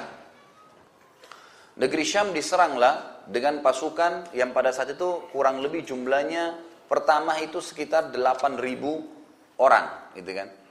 Dan ada sebuah hadis Nabi SAW berhubungan dengan bab jihad yang berbunyi, uh, tidak akan dikalahkan pasukan umatku bila jumlah mereka mencapai 12 ribu. Jadi ini memang berhubungan dengan bab jihad ya. Jadi kalau sudah terkumpul pasukan jihad 12 ribu tidak akan pernah terkalahkan. Selama mereka tidak bermaksiat kepada Allah subhanahu wa ta'ala. Ini sudah jaminan dari Nabi SAW. Maka sahabat menjaga sekali hadis itu. Mereka selalu menjaga hadis tersebut. Mereka berusaha untuk tidak kurang dari 12 ribu. Kirimlah pasukan ini, 8 ribu tadinya, kurang belum ada, belum cukup pasukan. Maka pada saat itu Umar bin Khattab mengirim empat orang sahabat, di antaranya Mikdad, gitu kan. Kemudian Ka'ka'a, ada beberapa sahabat-sahabat Nabi yang memang bagi Umar satu orang ini dianggap seperti kekuatan seribu orang. Gitu. Digabungkanlah di sini. Amr bin As waktu ingin mengekspansi ke Mesir. Jadi setelah negeri Syam ditembus, Palestina, kemudian sampai ke wilayah Asianya Turki, itu berhasil dikalahkan oleh pasukan muslimin yang dikenal dengan perang Yarmuk ya perang Yarmuk ini sangat luar biasa karena pasukan muslimin cuma 8000 orang sekian itu mengalahkan pasukan kafir orang-orang e, Bizantium Romawi waktu itu kurang lebih kekuatannya sekitar 250 ribu orang dan itu ada cerita sendiri tentunya. Saya pernah jelaskan di kisah Umar bin Khattab radhiyallahu di mana pasukan-pasukan atau prajurit Romawi ini saling mengikat tangan satu sama lain dengan rantai agar mereka tidak lari dari kancah peperangan. Tapi bagaimana perannya Zubair radhiyallahu anhu yang menembus benteng-benteng mereka, mematahkan e, rantai-rantai mereka dan seterusnya. Yang jelas ada kisah sendiri sampai kaum muslimin memenangkan peperangan. Lalu Amr bin As membawa pasukan 8000 menuju ke Mesir, mengekspansi Mesir. Akhirnya Jazirah Arab, utara Jazirah Arab sudah bebas, diekspansi, Islam masuk di sana. Kemudian wilayah barat juga Mesir terbuka dan seluruh Afrika ini terbuka dan nanti akan tersebar Islam lebih banyak zaman Uthman bin Affan. Sekarang yang kita ingin bahas perannya saat adalah di wilayah timurnya Jazirah Arab. Irak, Iran, Rusia, Afghanistan ini semua wilayah yang sangat luas sekali. Ini dulu negara adik kuasa Persia. Terkenal orang-orang Persia ini dulu sangat kuat, poster tubuh yang besar gitu kan. Dan mereka penyembah api. Mereka penyembah api. Sebelumnya, sebelum saya ceritakan kisah peperangan ini, pernah Nabi SAW mengutus utusan beliau waktu beliau masih di Mekah itu untuk membawa surat ke Raja Persia dan mengajak dia untuk masuk Islam. Tapi waktu itu sempat dia merasa kenapa kok siapa orang ini berani-beraninya memanggil saya untuk mengikut agamanya di sebuah kota, di pedalaman, di Mekah, di padang pasir. Ada apa di sana? Siapa dia? Gitu kan. Lalu dirobek surat Nabi SAW dan sempat dibunuh utusan Nabi SAW. Maka Nabi SAW mengatakan dia merobek surat saya, Allah akan robek kekayaan, ke, ke kekuasaannya. Gitu kan. Jadi ini awal kata ulama, rentetan sejarah hancurnya wilayah Persia. Dari doa Nabi SAW. Kemudian di zaman Umar, Umar pun menjalankan ya untuk mengirim pasukan di tahun 14 Hijriah. Beberapa bulan setelah perang Yarmuk, mengutus tapi waktu itu Umar mengirim surat kepada seluruh suku Arab, seluruh jazirah Arab agar siapa pun yang mau jihad silakan ikut. Sampai akhirnya terkumpullah 30 ribu orang pada saat itu yang siap untuk ikut perang. Ada yang prajurit ahli perang, ada yang orang partisipan. Kita tahu dalam jihad banyak kan orang yang partisipasi saja gitu kan, ikut. Nanti di medan perang baru belajar gitu. Yang terjadi pada saat itu mereka Umar bin Khattab memimpin pasukan. keluar sendiri. Di tengah jalan sempat Umar bin Khattab kurang lebih perjalanan ya, eh, setengah hari dari Madinah, beliau sempat eh, mengistirahatkan pasukan lalu beliau bermusyawarah dengan sahabat-sahabat yang mulia, kira-kira bagaimana nih? Apa saya lanjutkan memimpin perang ke Persia dalam kondisi Madinah memang waktu itu dipimpin oleh Ali radhiyallahu anhu Ali bin Abi Thalib memimpin Madinah. Apakah begini kondisinya kita teruskan jalan atau saya lebih baik tinggal di Madinah? Sahabat-sahabat yang lain mengatakan silakan ambil mukminin, pergi saja, ikut saja, nggak ada masalah. Malah itu kemuliaan, anda bisa mati syahid. Karena Umar bin Khattab terkenal pernah mengatakan, Ya Allah, karuniakanlah saya mati syahid. Tapi beliau sempat ikutkan di, di kota Nabi Muhammad SAW. Gitu ya. Maka Abdurrahman bin Auf mengatakan tidak wahai Amir Mu'minin. Saya tidak melihat itu. Saya pribadi melihat Anda lebih baik tinggal di Madinah. Biarkan kami yang melanjutkan perjalanan. Jadi lebih baik begitu. Lalu setelah Abdurrahman ditanya kenapa alasannya kalau Anda sampai terbunuh, kaum muslimin akan terganggu nanti. Siapa yang kira-kira bisa menggantikan posisi Anda sekarang? Setelah terkenal Umar bin Khattab berhasil mengekspansi Islam ke wilayah utara Jazirah Arab tadi. Sudah menang. Sekarang pasukan ini juga dijanjikan oleh Allah. Lebih dari 12 ribu pasti menang. Maka lebih baik Anda jangan ikut. Tinggal di Madinah. Gitu kan? Anda tetap memimpin kami dari jauh. Dan berikanlah ini kepada salah seorang di antara kami. Lalu Umar pun bermusyawarah. Kira-kira siapa nih yang bisa menggantikan saya? Harus orang yang punya kekuatan yang luar biasa gitu. Ini nggak boleh sembarangan menyerang wilayah Persia. Persia ini terkenal ahli-ahli perang semuanya. Itu kan postur tubuh mereka tinggi besar, memiliki kok tubuh-tubuh yang sangat kokoh gitu. Ya. Maka berkatalah ya, setelah musyawarah, musyawarah si fulan tidak bisa, si fulan tidak bisa. Sampai ada satu orang mengatakan, saya sudah dapat orangnya. Tidak mungkin dia salah gitu kan, kata orang ini.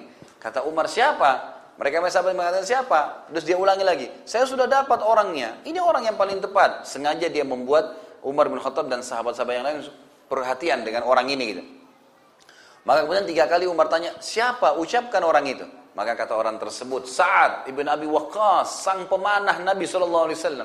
Orang yang memiliki tubuh yang sangat kekar. Karena saat ini terkenal orangnya, postur tubuhnya sangat kekar dan kuat. Dan ahli panah. Dan punya strategi perang gitu. Maka Umar mengatakan, kau benar. Kau benar. Pilihanmu benar. Waktu itu kebetulan saat tidak ikut dalam pasukan. Dia lagi ditugaskan oleh Umar untuk mengumpulkan zakat. Keliling wilayah umat Islam, ngumpulin zakat, bawa ke Madinah gitu kan. Maka kata Umar panggil segera saat. Begitu datang kata Umar, wahai saat, aku telah mengamanahkan kepadamu untuk pembebasan wilayah Persia.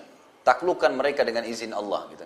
Saat pun akhirnya menerima ya tawaran tersebut. Ringkas cerita terjadilah pada saat itu penobatannya dia menjadi pimpinan perang. Dan pada saat itu Umar bin Khattab pun memberikan wasiat-wasiat kepadanya. Di antaranya Umar berkata kepada saat, Sesungguhnya aku telah menyerahkan perang Irak kepadamu wahai Sa'ad. Jagalah wasiatku karena engkau akan menghadapi perkara berat yang pahit.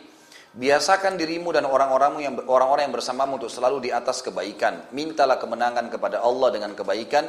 Ketahuilah bahwa segala perkara itu memiliki bekal. Bekal kebaikan adalah kesabaran. Bersabarlah atas apa yang menimpahmu. Lalu kata Umar, wahai Sa'ad, ingatlah. Jangan sampai perasaanmu, mengatakan di dalam dirimu ya ada ter, terbersat ya di dalam dirimu kau adalah paman Nabi Shallallahu Alaihi Wasallam. Kaulah adalah seorang sahabat Nabi. Kau adalah orang yang dijamin masuk surga. Sehingga akhirnya itu akan menutupi semua ketakwaan dalam dirimu. Sehingga akhirnya kamu dikalahkan oleh musuh. Tapi bungkuslah dirimu dengan ketakwaan kepada Allah. Sehingga Allah berikan kemenangan di tanganmu. Wasiat-wasiat Umar bin Khattab terus dilakukan akhirnya sampai pasukan diutus saat pun radhiyallahu membawa pasukannya dan ternyata pilihan Umar bin Khattab tidak keliru. Saat ini bukan orang yang punya pernah pernah belajar di kampus tentang strategi perang, tidak pernah sama sekali. Tapi perhatikan bagaimana saat begitu memimpin pasukan dan sudah jalan, beliau membagi mengatur strategi perang. Yang pertama adalah beliau membagi pasukan 30 ribu ini menjadi enam bagian. Kalau saya gambarkan di tulisan saya, saya coba tangkap dari hadis dari riwayat tentang masalah itu, saya coba gambarkan. Jadi beliau meletakkan di membagi pasukan menjadi enam sisi. Sisi yang pertama adalah bagian depan pasukan dan ini dikenal dengan ujung tombak. Semua yang ditaruh di sini adalah orang-orang dari suku-suku Arab. Memang karena mayoritas yang ikut adalah orang-orang Arab. Karena Umar bin Khattab mengatakan, kalau itu kan Islam masih banyak dari jazirah Arab saja. Maka Umar bin Khattab mengatakan, saya akan memerangi raja-raja Ajam dengan raja-raja Arab pada saat itu. Maka dia memilih suku-suku Arab yang pemberani. Memang ada beberapa suku yang luar biasa gitu. Mereka tidak pernah takut mati. Ya. Ditaruhlah di ujung tombak oleh Sa'ad radhiyallahu anhu. Ini pasukan pokoknya begitu pecikan takbir berbunyi mereka sudah langsung menyerang. Mereka memang siap mati. Kemudian ditaruhlah di sisi kanan dan sisi kiri, sayap kanan, sayap kiri, ini pasukan-pasukan pilihan yang juga mereka rata-rata semuanya berkuda dan mereka eh, apa namanya menyerang timbal balik.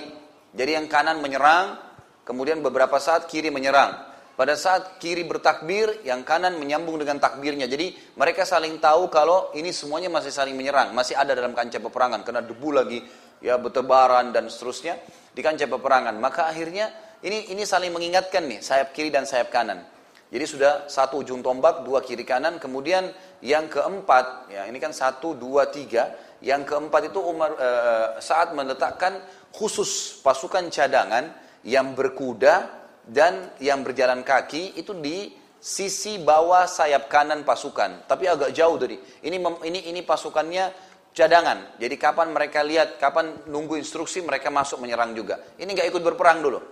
Kemudian yang kelima adalah ekor pasukan dan ekor pasukan ini juga hampir sama dengan pasukan tadi yang untuk cadangan. Mereka jalan, mereka sambil berjalan, mereka tidak berperang menunggu sampai berkecamuk dengan kancah peperangan. Jadi mereka beda dengan sayap kanan sayap kita yang memang memang menyerang, gitu kan, sama ujung tombak. Ini enggak, mereka jalan santai, tapi sementara perang berkecamuk.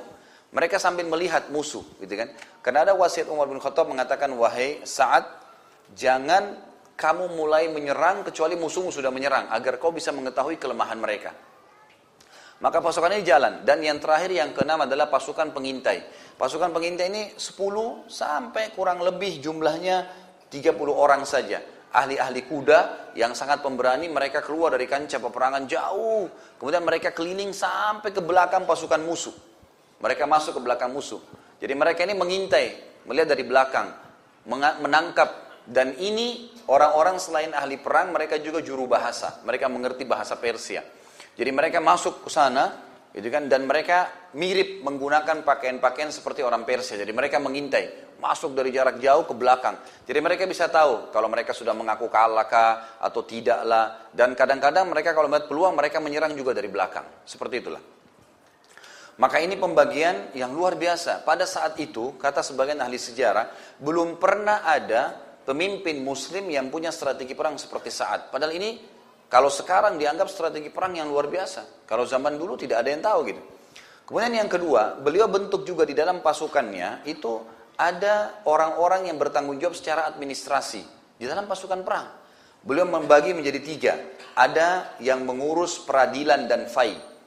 Jadi kalau misal ada musuh yang tertangkap jadi tawanan atau ada eh, antara mujahid sama mujahid sempat ribut misalnya, maka ada orang-orang tertentu yang bertugas untuk mengadili itu. Kemudian yang kedua, ada juga tim khusus untuk menasehati dan memberi motivasi pasukan. Itu yang dilakukan. Ini khusus, jadi tugas mereka memberikan motivasi, semangat. Setiap kancah peperangan mereka teriak, mereka melantunkan ayat, mereka bertakbir dengan suara-suara yang keras. Yang ketiga, ada ahli bahasa dan juru tulis ini yang menulis tentang apa yang sedang terjadi. Ya, mereka-mereka ini berada di beberapa titik di sekitar kancah peperangan untuk menceritakan. Ini pasukan muslimin sudah mulai maju, pasukan muslimin oh si fulan mati, dia mendata itu ya semampunya. Kemudian ahli bahasa datang untuk negosiasi dengan orang-orang Persia ini. Ini yang kedua. Kemudian yang ketiga, beliau membersihkan wilayah sekitar sebelum masuk ke peperangan yang besar, beliau mengirim pasukan-pasukan yang memang membersihkan wilayah-wilayah, desa-desa kecil di sekitar situ. Semua ditaklukkan sama Sa'ad radhiyallahu anhu. Sehingga dia mengamankan sekitar lokasi kancah peperangan. Kemudian yang keempat, dan ini yang unik, negosiasi dengan Kisra ya, dan Rustum. Kisra ini Raja Persia, Rustum ini adalah uh, panglima perangnya. Gitu kan. Maka pada saat itu terjadilah negosiasi. Yazdajar, raja mereka pada saat itu, yang dikenal dengan istilah Kisra. Seperti kalau Fir'aun, raja Mesir, gitu kan. Tapi nanti ada Ramsis, nama rajanya. Nah, istilah bagi raja besarnya Persia namanya Kisra. Tapi nama individunya Yazdajar. Yazdajar ini raja Dan dia dengar kalau pasukan muslimin sudah mulai masuk dengan 30 ribu orang, sudah masuk di wilayah perbatasan. Beberapa perkampungannya sudah berhasil ditaklukkan. Maka Yazdajar minta, mau negosiasi, tanya. Terjadilah dialog yang unik nih. Yazdajar begitu melihat mereka bertanya. Diutuslah oleh saat beberapa orang. Saat juga ini orang yang jeli memilih orang-orang yang akan mendampingi eh, atau mewakili kaum muslimin. Diutuslah seseorang yang bernama Asim dan juga diikuti oleh Qais bin Zurara radhiyallahu anhu ini sahabat-sahabat Nabi semua ya. Maka sempat begitu ketemu dengan Kisra, kata Kisra, apa yang membuat kalian datang ke wilayah kami? Membawa pasukan kalian ke sini. Kata Asim, kami datang ke sini untuk menegakkan hukum Allah dan di sini keluarlah sebuah hukum syar'i berhubungan dengan jihad. Dia mengatakan kami datang ke sini untuk menerapkan hukum Allah pencipta langit dan bumi. Kami akan datang menawarkan kepada kalian hukum Allah. Kalau kalian menerima hukum Allah itu, agama Allah itu, kami tinggalkan kalian dengan kerajaan kalian. Dan kami cuma meninggalkan kitabullah dan sunnah nabinya. Itu saja. Artinya kami tidak akan ganggu. Ya zajar kau tidak akan jatuh dari jabatanmu. Karena memang begitu dalam Islam. Pemimpin perusahaan pun kalau masuk Islam tetap dia dengan perusahaannya. Raja negara tetap jadi raja, gitu kan? Presiden tetap jadi presiden, tidak ada hubungannya. Tapi dia sudah mengubah prinsip hidupnya, pedoman hidupnya kepada Al-Quran dan Sunnah. Maka ini prinsip dasar dalam jihad. Jadi kami datang untuk itu. Kalau kalian menerima, maka kami biarkan kalian dan kami tinggalkan kalian dengan kitabullah dan sunnahnya. Kata Yazdajar, kalau kami menolak, kata si Asim, kalian harus membayar jizyah dan dalam terjemahan, karena waktu itu pakai bahasa Persia, ada penerjemahan yang bahasa Arab. Kata Asim, kau bayar jizya hatta yu'tul jizya. Ansagir, ansagir, uh, hatta yu'tul jizya. Uh, an yadin wahum sagirun. Gitu kan. Nah ternyata kata-kata sagirun waktu itu dalam ahli sejarah, ahli sejarah mengatakan, orang Persia penerjemah ini nggak bisa terjemahkan. Dia nggak tahu tuh sagirun apa. Gitu. Mau diterjemahkan kecil, nggak tepat. Karena bahasa Arabnya kecil, sagir. Ternyata soal ini punya makna, ya, artinya terhina gitu kan. Maka Yazdajar tanya, coba tanya ke dia, apa artinya itu? Suruh bayar upeti tapi sogir, gitu kan. Kata diterjemahkan oleh Asim, kau datang kepada kami wahai Yazdajar, membawa upetimu, kemudian kau memohon-mohon kepada kami, lalu kami terserah, kami mau terima atau enggak. Ini Yazdajar waktu itu adalah raja adik kuasa wilayahnya terluas di seluruh dunia dia paling berkuasa gitu kan ada orang dari Arab Badui datang ngancam dia seperti itu ya sejar sempat marah ya. lalu dia mengatakan kalau kami menolak kata Alsim kepalamu akan melayang dengan pedang-pedang kami gitu kan kalimat yang tidak pernah ya sejajar dapat ancaman seperti itu sementara lawannya saja wilayah Rumawi yang waktu itu yang menguasai setengah dunia yang tersisa, Persia menguasai setengah yang lainnya, tidak pernah berani menulis ataupun berkata itu kepada Yazdajar, karena Yazdajar raja yang sangat kuat. Dalam beberapa e, buku juga disebutkan, dalam beberapa referensi disebutkan, Yazdajar ini orangnya tinggi besar, ya orang-orang Persia tinggi besar. Dia kalau berdiri itu mendekati pohon-pohon yang ada di sekitar istanahnya. Jadi orangnya besar, sering digambarkan begitu. Maka Yazdajar ini pun marah sambil mengatakan kalau bukan karena utusan tidak dibunuh, saya akan bunuh kalian. Gitu kan. Lalu kata Yazdajar, terjemahkan ke orang-orang Arab ini. Terjemahkanlah oleh terjemahan. Dia bilang, kata-katanya begini, dia menghina. Dia bilang, saya tidak pernah menemukan di muka bumi kaum yang lebih hina, miskin, dan bodoh seperti kalian. Orang-orang Arab maksudnya. Gitu kan. Kami menyuruh pemimpin wilayah terendah kami kalau ada wilayah kami di pelosok-pelosok yang kami anggap tidak perlu, kami menyuruh pemimpin-pemimpin wilayah kami yang terendah itu untuk mengatasi dan mengurusi masalah-masalah kalian. Dari dulu orang-orang Arab butuh bantuan dikasih saja oleh Persia ini. Jadi tidak pernah berpikir untuk datang menyeranglah. Kalau kedatangan kalian kepada kami karena kalian gurur, gurur ini percaya diri yang berlebihan. Gitu.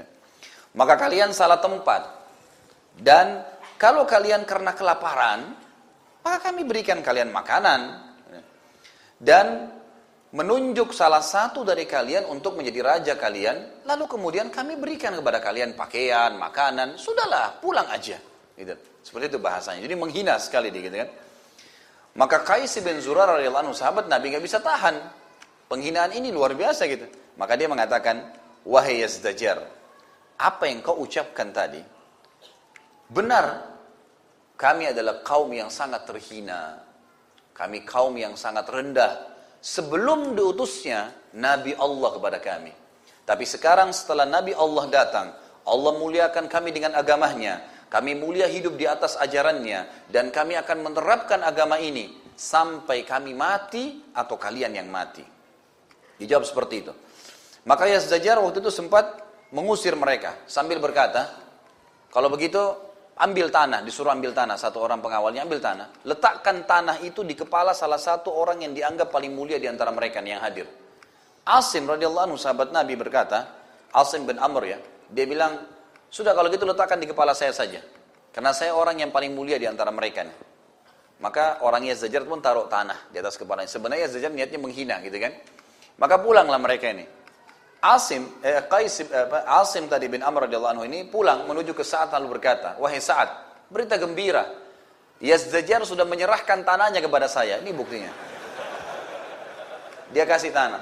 Jadi sebenarnya tadi penghinaan, tapi oleh Asim dianggap itu adalah satu hal dia sudah menyerahkan tanahnya, gitu kan. Tapi saat faham maksudnya. Lalu kemudian Yazdajar ini penasaran. Dia kirim surat, dia sampaikan kepada Rustum. Rustum ini panglima perangnya dia.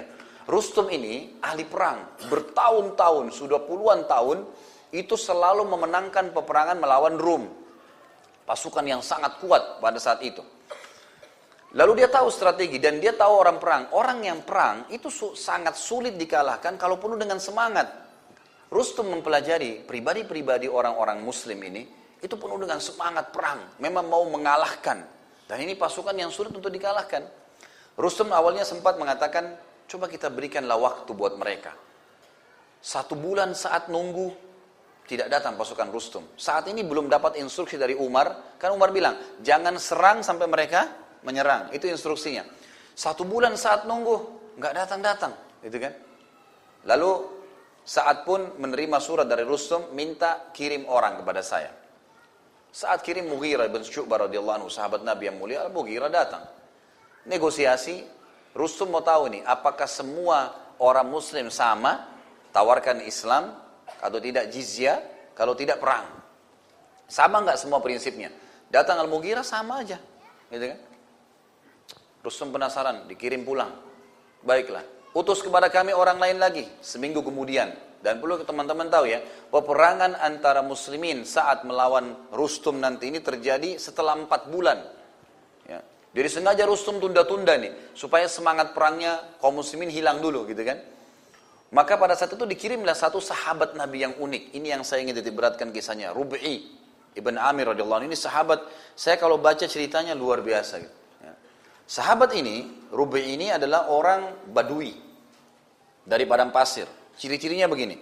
Disebutkan ciri-cirinya. Rubu ini seorang Badui yang mengenakan baju dari kain yang kasar tidak punya baju besi, nggak ada baju besinya. Senjatanya sederhana, orangnya pendek, kudanya kecil. Imamahnya yang dia pakai di kepalanya, tali lilitan yang digunakan untuk tali ikat unta atau ikat ikat keledainya. Dia pakai keledai bukan pakai kuda ya. ya. Kemudian dikatakan rambutnya ikal panjang gitu kan, keriting. Jadi orang Arab Badui asli gitu. Sebagian asar menyebutkan dia meletakkan di kepalanya panci yang dia pakai masak. Jadi ini sebagai tameng istilah gitu. Ini unik sekali gitu.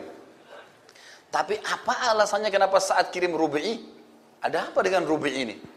Ternyata kasusnya adalah satu lagi. Karena masalah keyakinannya. Jadi saat mengirim ini bukan orang-orang yang gampang negosiasi, gampang terpengaruh dengan harta atau wanita dan subhanallah Allah berikan taufik saat memilih Rubai tepat setelah Al-Mughirah. Jadi ternyata pada saat Al-Mughirah pulang tadi Ibn Syu'bah, Rustum memerintahkan, dia bilang saya akan undang satu orang lagi di antara mereka untuk memastikan apakah sama konsepnya. Tapi saat ini agak berbeda. Semua pasukan, semua dayang-dayang harus pakai baju yang paling mewah yang warnanya keemas-emasan. Bahkan ada riwayat mengatakan pakai emas. Semua singgasana, ada singgasana khusus Rustum ini, emas semua. Kuda yang dia pakai untuk mengantarnya ke singgasana, lapisan pelananya emas. Semuanya serba emas. Karpet ditebar dari pintu gerbang sampai ke pintu masuk, gitu kan? Semua emas. Diletakkan dayang-dayang yang paling cantik. Semuanya begitu. Lalu setelah selesai persiapan ini, ini memakan waktu sekitar 10 hari untuk menyelesaikannya. Maka Rusum kirim surat lagi kepada saat, kirim kepada saya satu orang lagi. Saat mengirim Rubai. Datanglah Rubai ini, orangnya pendek, dikeledai, bajunya biasa, ya, kepalanya diikat dengan tali kekangannya tadi, pegang tombak, gitu kan, jalan. Begitu Rubai tiba, pengawal-pengawal Rusum tidak percaya, ini utusannya gitu. Artinya ini utusan itu pasti kalaupun diserang dia siap melawan segala gitu. Kata mereka begitu Rubi datang, ditanya, kau utusan? Dia bilang, iya, saya utusan. Kata mereka pertama kali adalah, kau harus sujud dulu, ruku atau sujud, tundukkan kepala kamu kepada Rustum sebelum masuk ke istana. Semua orang masuk ke istana ini harus ruku. Rubi tersenyum. Dia turun, diambil, dicabut pisaunya dia, dia bawa pisau. Kebetulan di situ di pintu gerbang itu ada karpet yang ditaruh. Memang karpetnya bagus, gitu. Memang untuk menggoda ini. Sama Rubi'i dia nggak jawab dulu, diambil, dipotong karpet itu. Dipotong sama dia, diambil, ditaruh di, di tempat pelana dia duduk. Itu dulu yang dia lakukan. Belum buat apa-apa yang ditaruh. Begitu dia taruh di atas pelana, gitu kan. Kemudian dia balik ke mereka. Dia bilang, yang undang saya kalian. Jangan saya yang ikut. Kalian ikut saya. Saya tidak mau sujud kecuali kepada Allah. Tapi ambil dulu barangnya ini. Gitu. Menunjukkan penghinaan. Ini bukan mencuri ya, tapi ini memang melakukan karena di kancah peperangan ini, peperangan ini lain. Maka pengawal-ngawal kirim surat ke Rustum dalam berinformasi. Gak mau ruku ini orang, gak mau tunduk. Bagaimana dan ini orang Arab Badui, orangnya keras-keras susah. Mau disuruh bagaimana kalau kita bunuh nggak berhasil targetnya. Karena target kan mau diperlihatkan di dalam, dayang-dayang, emas, segala. Mau digoda nih ceritanya gitu. Sudah kata Rustum begini aja. Pintu gerbang, kalau dia nanti kamu bukain, bukain sedikit saja. Supaya dia kalau masuk, dia harus tunduk. Harus dibuat, buat begitu. Dibuat pintu seperti itu, dibuat. Rubai subhanallah, Allah yang Allah kasih kecerdasan. Dia lihat dia sudah tahu, oh tadi perintah suruh ruku, ini disuruh ruku juga ini. Rubai buat unik, dia turun dari keledainya, dia balik dirinya, dia balik keledainya, lalu dia masuk dengan pantatnya. Jadi dia sama keledainya ditarik sama dia, masuk mundur. Jadi tadinya dia disuruh ruku, dia malah hinain Rustum gitu. Jadi unik ini luar biasa. Jadi tidak salah pilih orang gitu. Udah dia masuk, setelah masuk pintu gerbang, dibalik keledainya dinaik di atasnya, gitu kan. Ini biasanya keledai ditaruh di depan, gitu kan. Ini nggak dipakai sama dia, masuk. Dia masuk ke dalam, disampaikan ke Rustum. Dia malah masukin bokongnya. Kata Rustum ini pasti bukan sembarangan. Suruh dia masuk. Dia masuk. Jadi karpet yang tebal ini diinjak sama dia. Diinjak sama keledainya ya. Keledainya dalam kondisi kotor ini. Dan jalan. Setiap dia lewat tombaknya ditarik-tarikin di atas karpet tuh. Jadi sobek-sobek karpetnya. Wah dia jalan terus ditarik. Ini pemandangan ini disaksikan oleh orang-orang. Tapi mereka tahu. Rustum tidak instruksikan suruh bunuh. Ini nggak bisa dibunuh orang ini. Utusan. Begitu dia masuk dibukain, bukain pintu gerbang, singa sana di sana ada Rustem duduk. Di kiri kanan ini banyak bantal-bantal, permadani, bagus-bagus gitu. Rubi'i turun dari keledainya, ini dia lihat Rustem di sana nih. Dia turun, dirobek-robek sama dia bantal itu. Coret-coret semua. Bantal-bantal itu dirobek-robekin gitu kan. Kemudian dia naik. Ternyata ada ada satu hikmah di sini ya. Saya tidak tahu apakah Rubi pada saat itu Rubi ini radhiyallahu anhu tahu atau enggak apa yang dia lakukan, tapi dia seperti seakan-akan dapat isyarat kalau memang ini untuk membuat fitnah bagi dia. Dan untuk menunjukkan seakan-akan begini, orang-orang Persia ingin tunjukkan ini kekayaan kami. Kami punya kaya raya, kami bisa mengalahkan kalian.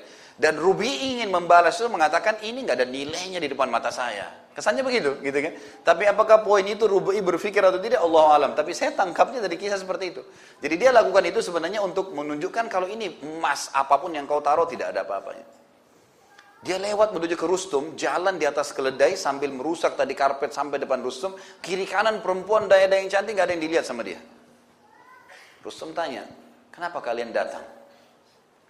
Kata Rubi'i, kami datang untuk mengeluarkan seluruh yang menyembah makhluk kepada menyembah Tuhannya makhluk. Kami datang untuk membawa agama Allah sampai ke seluruh pelosok bumi ini. Gitu kan, kata Rubi.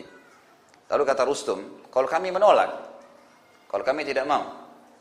Sebentar, lalu Rubi mengatakan, dan kalau kalian mengikuti ajaran itu, kami tinggalkan buat kalian kitabullah dan sunnah nabinya.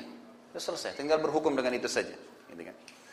Maka kata Rustum, kalau kami menolak, kata Rabi'i, kalau kalian menolak, kalian harus membayar kepada kami upeti, datang sambil merangkak ke hadapan kami. Kata Rustum, kalau kami menolak, kepalamu akan saya penggal. Gitu kan? Kata Rubi dengan tegas. Lalu kata Rustum, kau ini siapa sebenarnya? Kau ini pimpinan mereka, gitu kan? Artinya kok bisa keputusan kau yang tentukan, gitu kan? Kata Rubi, bukan. Saya salah satu dari pasukan muslimin. Tapi umat Islam seperti satu jasad. Satu kasih keputusan, semua ikutin. Semua begitu. Yang begitu. Satu berikan keamanan, yang lain semua ikut. Maka saya bagian dari muslimin, gitu kan? Kata Rustum, baiklah, beri kami waktu untuk berpikir. Gitu. Kasih kami waktu berpikir.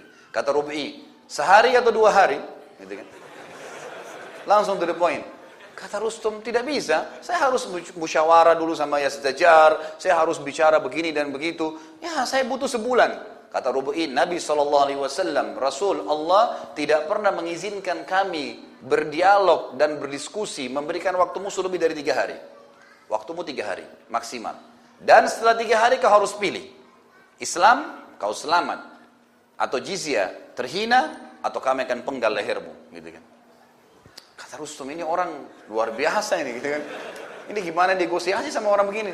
Pokoknya nggak ada A, A, B, B, nggak ada. Kata Rustum, baiklah, kami akan berpikir. Pulanglah Rubi ini, Lalu Rustum mulai berpikir bagaimana ini, apa yang harus dilakukan. Dia musyawarah sama Yazdajar. Ini betul-betul yang sedang kita hadapi ini bukan main-main ini. Ini orang-orang yang tidak takut mati, tidak terpengaruh dengan harta, dan memang yang dikeluarkan pada saat itu harta-harta yang sangat besar. Oleh Rubu'i ditinggalin sama dia. Rustum sudah dikatakan begitu, minta waktu dia balik. Enggak lihat kiri kanan, keluar sampai pulang. Gitu. Sudah selesai, gitu aja. Maka setelah musyawarah, Yazdajar bilang tetap, tidak bisa kita biarkan, harus perang.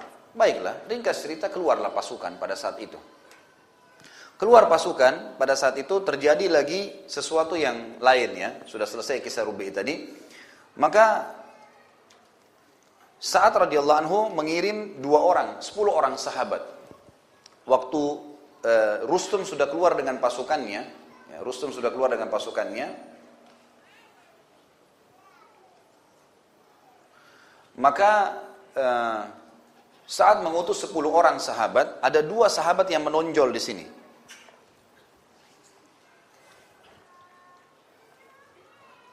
Sahabat ini bernama Amr bin Karibit bin Zubayd bin Zubaidi ya, dan Tulaiha bin Khuwailid al-Uzdi. Dua sahabat ini juga punya kisah unik nih, berhubungan dengan masalah tadi. Ini masih berhubungan dengan masalah negosiasi atau peperangan ya. Maka pada saat itu pun sepuluh orang ini pergi. Rupanya Rustum mengatakan menerima instruksi dari Yazdajar, kita harus kerahkan pasukan kita yang terkuat. Yang selama ini belum pernah dikerahkan sebanyak itu, 240 ribu orang. 240 ribu orang ini dibagi menjadi tiga bagian. Bagian ujung tombak terdiri dari 70 ribu orang, bagian jantung dari pasukan tengah itu 100 ribu orang, dengan ekor pasukan 70 ribu orang. Jadi 70 ribu ujung ekor sama ujung tombak 70 ribu 140. Tambah 100 ribu di tengah-tengah berarti 240 ribu. Kita bayangkan kalau 240 ribu pasukan lagi jalan. Suara kakinya aja sudah ribut gitu kan. Maka yang terjadi pada saat itu jalanlah. Dan Rustum ini mengatur strategi supaya kalaupun ada mata-mata muslim, dia tahu bahwasanya pasukan ini sangat besar, jalan dulu yang 70 ribu itu. Setelah perjalanan dua hari, baru keluar yang 100 ribu. Setelah perjalanan dua hari, baru keluar lagi yang 70 ribu. Jadi pasukan ini sangat besar jalan. Pada saat itu, 10 orang ini diutus oleh Sa'ad. Coba ngintai. Ini kok setelah Rubi'i pulang tidak ada lagi berita. Kira-kira seperti apa nih? Diutuslah 10 orang. 10 orang ini memang pemberani, terutama dua orang ini. Ya. Masuklah mereka ke, ke pedalaman kampung demi kampung lewatin ke dalam sampai menemukan pasukan ini. Pada saat menemukan pasukan yang 70 ribu orang pertama ini, maka sahabat-sahabat yang lain di situ mengatakan, ini dia pasukannya nih. Ada bendera, ada pasukan gajah, jumlahnya tidak terhitung sekitar 70 ribu orang. Gitu kan. Biasanya cara mereka menghitung, zaman dulu itu setiap kotak pasukan itu diisi 100 sampai 500 orang. Gitu kan. Maka dilihatlah kotak-kotaknya pasukan itu. Kotak, ada pemimpin depannya, kotak, ada pemimpin depannya. Maka dihitung dari situ, oh jumlahnya sekian. Dari situ mereka tahu itu sekitar 70 ribu orang. Gitu. Pada saat itu, orang-orang semua mengatakan ini pasukannya. Ayo kita kembali sampaikan kepada saat. Dua orang sahabat ini, sengaja saya sebutin namanya karena mereka punya kiprah. Si Amr bin uh, Karib tadi dengan Tulaiha bin Khuwailid. Dua orang ini bilang bukan. Ini bukan inti pasukan, ini cuma ujung tombaknya, pasukan depannya saja. Kata yang delapan orang, pastilah ini. Dia bilang enggak. Kalau kalian mau pulang silahkan, kalian pulang aja. Pulanglah delapan orang ini. Perlu juga kita garis bawahi, dua orang ini adalah dua kepala suku dari Yaman. Dan dua orang ini dulu di zaman jahiliyah, kalau orang-orang Quraisy pun butuh bantuan segala, sering minta tolong. Dan kalau dua orang ini sudah datang di pasukan Quraisy, pasukan Quraisy sudah merasa tenang karena satu orang dianggap seperti kekuatan seribu. Beraninya luar biasa. Ya, jadi kekuatannya luar biasa, kekuatan hatinya sangat kuat. Yang terjadi adalah pada saat itu dua orang ini jalan, Amr dan si Tulaiha jalan. Jalan perjalanan dua hari ditemukanlah seratus ribu itu pasukan yang kedua. Kata Amr kepada Tulaiha, wahai Tulaiha, ini kira-kira pasukannya? Kata Tulaiha, bukan. Ini masih jantungnya nih, masih ada pasti. Karena Tulaiha kepala suku sering ikut berperang, tahu dia Kan ini bukan, ini masih jantung pasukan. Karena standar hampir semua sama pakaiannya. Ini sekitar 100 ribu orang. Ini berarti jumlahnya, ini pasukan jantung. Kata Amr apa yang kita lakukan? Kata Tuleha, masuk lagi. Kita cari ujungnya, ekornya di mana. Gitu kan. Karena di situ biasa pimpinannya. Jalanlah mereka perjalanan dua hari lagi sampai mendekati Madain. Nah Madain ini teman-teman sekalian adalah ibu kotanya eh, apa namanya Kisra pada saat itu ya, sangat terkenal memiliki istana putih. Nanti akan kita punya bahasan sebentar berhubungan dengan masalah itu. Maka yang terjadi, kata Amr, ayolah kepada Tulaiha, jalan. Jalan sampai dua hari menemukan 70 ribu lagi pasukan. 70 ribu pasukan yang terakhir yang ditemukan ini, ternyata di situ memang ada e, singasana, ya, ada Rustum yang lagi duduk di atasnya, di bawah ada pasukan gajah dan ada gajah-gajah yang berwarna putih. Ini biasa gajah-gajah pilihan gitu kan. Ini pimpinan-pimpinan gajah. Maka kata Amr, apakah ini uh, ekornya? Kata Tulaiha, iya. Kata Amr, kalau gitu ayo kita pulang. Sampaikan aja kepada saat. Berarti jumlah mereka 240 ribu. Kata Tulaiha, wahai Amr, sudah sejauh ini kita jalan. Enam hari perjalanan, terus kau mau pulang kosong? Kata Amr, kau mau apa? Kata Tulaiha, serang. Ini pelajaran ya. Dua orang mau nyerang 70 ribu. Ini kisah nyata hadis sahih. Riwayat sahih menyebutkan, maka kata si Amr, wahai Tulaiha, kau sadar kita dua orang lawan 70 ribu? Kata Tulaiha, iya. Apa yang kau takutkan? Gitu kan? Kalau kau memang tidak mau menyerang mereka, berarti kau pengecut. Percuma jadi kepala suku, gitu kan? Begitu. Kata Amr, bukan masalah pengecut. 70 ribu. Dan kita ini butuh informasi yang kita sampaikan kepada saat. Gitu kan? Kau tahu saya bukan pengecut, tapi kalau kita nyerang kita terbunuh, berarti yang diinginkan oleh pimpinan kita tidak dapat, gitu kan? Kata Tulaiha, kita tidak akan terbunuh kecuali ajal sudah datang. Kalau kau tidak mau ikut, tunggu di sini, gitu kan? Ini Tulaiha adalah luar biasa. Beliau takbir sendirian dan kebetulan waktu itu kebetulan sekali memang e, pasukan yang 70 ribu ini sudah jalan selama perjalanan dua hari juga dari wilayahnya dia dan lagi istirahat, lagi tebar kemah, buka kemah, pas sudah malam Situlaiha sama Amr sholat maghrib isya, dia masuk. Kemudian dia datang sendirian, dia serang, si Amr nunggu. Dia serang, kemudian dia datang ke kemah-kemah mereka, memutusin tali-tali kemah mereka. Gitu kan? Semua yang didapat ditebasin sambil takbir. Allah Akbar, Allah Akbar. Satu orang. Karena suara takbir yang sering diucapin sama dia banyak, ya sering terulang, maka orang pikir ini pasukan sedang menyerang. Maka dia putusin semua tali-tali, tali-tali sampai tiba di kemahnya Rustum, gitu kan? Pimpinan mereka. Dia tebas talinya, kemudian diambil kudanya Rustum. Kuda yang paling bagus pimpinannya diambil, kemudian dia bawa pulang. Dia keluar, ini sudah kacau di pasukan. Dipikir pasti banyak prajurit yang sedang menyerang muslimin. Padahal cuma satu orang. Ini udah kacau, kemah-kemahnya semua sudah runtuh. Obornya diambil, dilemparin, terbakar obor itu. Jadi dia satu orang bikin kacau. Kemudian dia keluar, dia datang kepada Amr sambil senyum. Nih, saya sudah dapat ghanimah. Kemudian dua-duanya pulang gitu. Amr sempat kagum pada saat tapi Amr tidak ikut ya gitu. Pulanglah dia lalu diperdengarkan kepada Sa'ad. Saat mengatakan bagus yang kamu lakukan. Artinya saat memberikan motivasi. Itu yang namanya prajurit gitu. Mestinya nyerang, jangan takut gitu kan. Ya, ini termasuk kisah yang unik yang terjadi pada saat itu sebelum terjadi kancap terjadi peperangan. Baik, saya pindah dulu ke strategi setelahnya. Ya. Pada saat tadi saya bilang ada strategi pembersihan, poin ketiga pembersihan wilayah terdekat, yang keempat negosiasi dengan Kisra dan Rustum sudah saya ceritakan. Kemudian yang kelima, pada saat pasukan Rustum sudah mulai datang, gitu kan, sudah mulai berhadapan yang 70 ribu sudah datang, kemudian menunggu datang yang 100 ribu, kemudian menunggu datang yang 70 ribu. Dan saat tetap berpegang pada instruksi, dan ini penting sekali, memegang instruksi pemimpin. Kata Umar, jangan serang sampai mereka menyerang, gitu kan. Karena di sini kalau saat buru-buru menyerang, 70 ribu pertama misal dianggap pasukan, kemudian nanti datang pasukan yang 100 ribu, nanti malah jadi masalah gitu kan. Sampai kau nanti mengetahui aib dan kekurangan serta kelemahan pasukan musuhmu.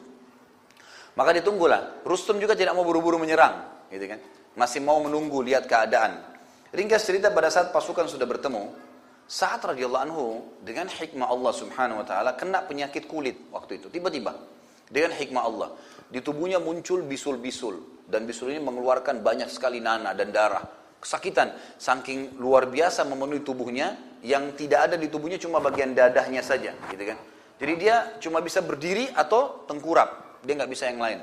Saat radhiyallahu maka saat mengatakan saya menunjuk Khalid bin Marfa ini ada satu sahabat ada juga e, tabiin ya.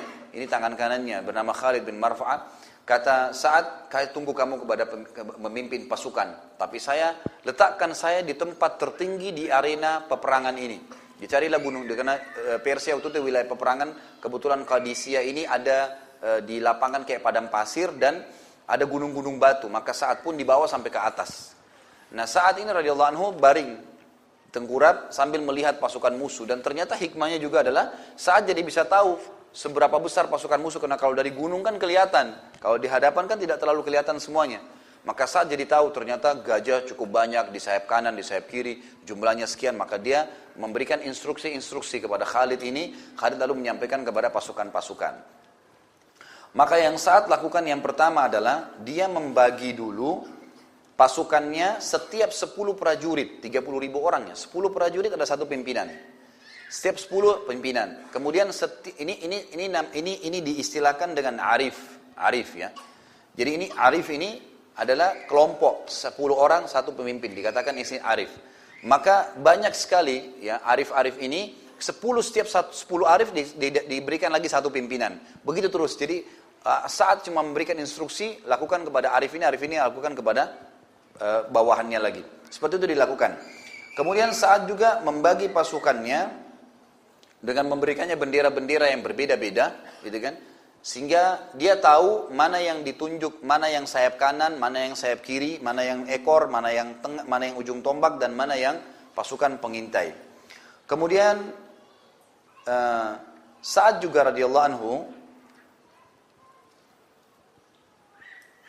menyuruh agar para khutbah khutbah ini ini strategi setelahnya ya. Jadi strategi tadi membagi yang kelima e, membagi pasukan menjadi 10-10 dan membentuk arif-arif itu. Kemudian yang keenam adalah membacakan, e, mengirim para khutbah, para ahli khutbah. Ada orang yang khutbah khutbah biasa, standar aja gitu kan.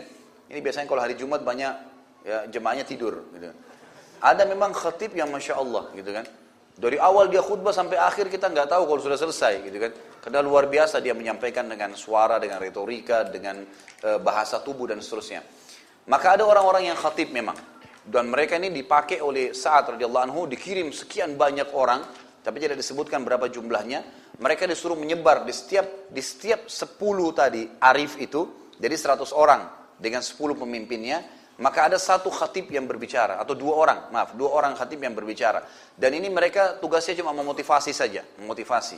Di antara bahasa-bahasa motivasi yang mereka sampaikan dan didukil kepada kita dalam buku ini adalah Sesungguhnya Allah mengharamkan hasud. Tidak boleh saling iri. Kecuali pada kancah peperangan ini. Di kancah peperangan, Nabi SAW membolehkan seorang muslim menghasut saudaranya. Menghasut dalam arti kata merasa, oh kenapa kok dia lebih berani? Saya mestinya bisa lebih berani daripada dia. Maka di sini tempatnya saling berhasutlah untuk berperang di jalan Allah. Gitu kan? Karena ini sesuai dengan ya perintah Nabi SAW. Maka itu di antara kata-kata motivasinya. Dan juga yang dilakukan setelahnya, yang ketujuh adalah bagaimana e, saat juga mengirim setelah para khutabah ini berbicara, mengirim para qurra, para penghafal Al-Quran, dan orang-orang yang memiliki suara yang sangat indah. Lalu menyebar kepada arif-arif tadi ini, semuanya menyebar, ini pasukan sudah saling berhadapan nih. Maka dilakukan oleh saat seperti itu, dikirim suara-suara indah dan disuruh membaca surah Al-Anfal lengkap. Gitu kan. Surah Al-Anfal, surah memang untuk peperangan gitu kan. Janji-janji Allah, kemenangan-kemenangan, malaikat yang turun di perang badar. Semua berbicara tentang surga, orang yang mati syahid, fadilahnya, dan seterusnya. Maka dibacakanlah surah-surah Al-Anfal. Pada saat dibaca surah Al-Anfal dalam beberapa riwayat dikatakan, dalam beberapa athar disebutkan, maka seluruh jiwa-jiwa mujahidin mulai lunak, mereka merindukan akhirat, mereka akhirnya melihat musuh-musuh mereka kecil, dan seterusnya. Lahirlah perasaan-perasaan seperti itu. Kemudian yang dilakukan setelah itu, saat mengirim lagi para khutabah, setelah para qurra membacakan surah Al-Anfal, banyak di antara mujahidin yang menangis mendengar ayat-ayat tersebut. Kemudian beliau juga menginstruksikan agar mengirim Khalid tadi si wakilnya dan menyampaikan kepada para pimpinan-pimpinan arif untuk men, e, di, diyakinkan dirinya dan pasukannya dengan janji-janji Allah. Disampaikan lagi para khutabah tentang surga, terus begitu. Dan disampaikan tentang sabda Nabi SAW berhubungan dengan kisrah ini. Ternyata ada hadis Nabi yang mulia dan hadis ini diriwayatkan oleh uh, uh, Imam Muslim dan Imam Ahmad yang berbunyi kata Nabi sallallahu alaihi wasallam usbatun min ummati yaftahuna al-bait al-abyad bait Kisra. Nanti akan ada sekelompok dari umatku yang akan menaklukkan istana putih, istananya Kisra. Kisra ini kebetulan punya istana berwarna putih dan besar sekali. Ya. Dan Kisra ini punya banyak sekali apa namanya Eh, banyak sekali harta, kaya raya, wilayahnya luas gitu kan. Saking kayanya sampai dia punya singgasana yang kalau dia duduk, padahal dia orangnya besar. Kalau dia duduk di tengah-tengah singgasana itu dia kelihatan seperti kecil. Karena besarnya singgasana itu. Sebagian asar menyebutkan seperti sebuah kapal yang orang duduk sendiri di dalamnya gitu kan.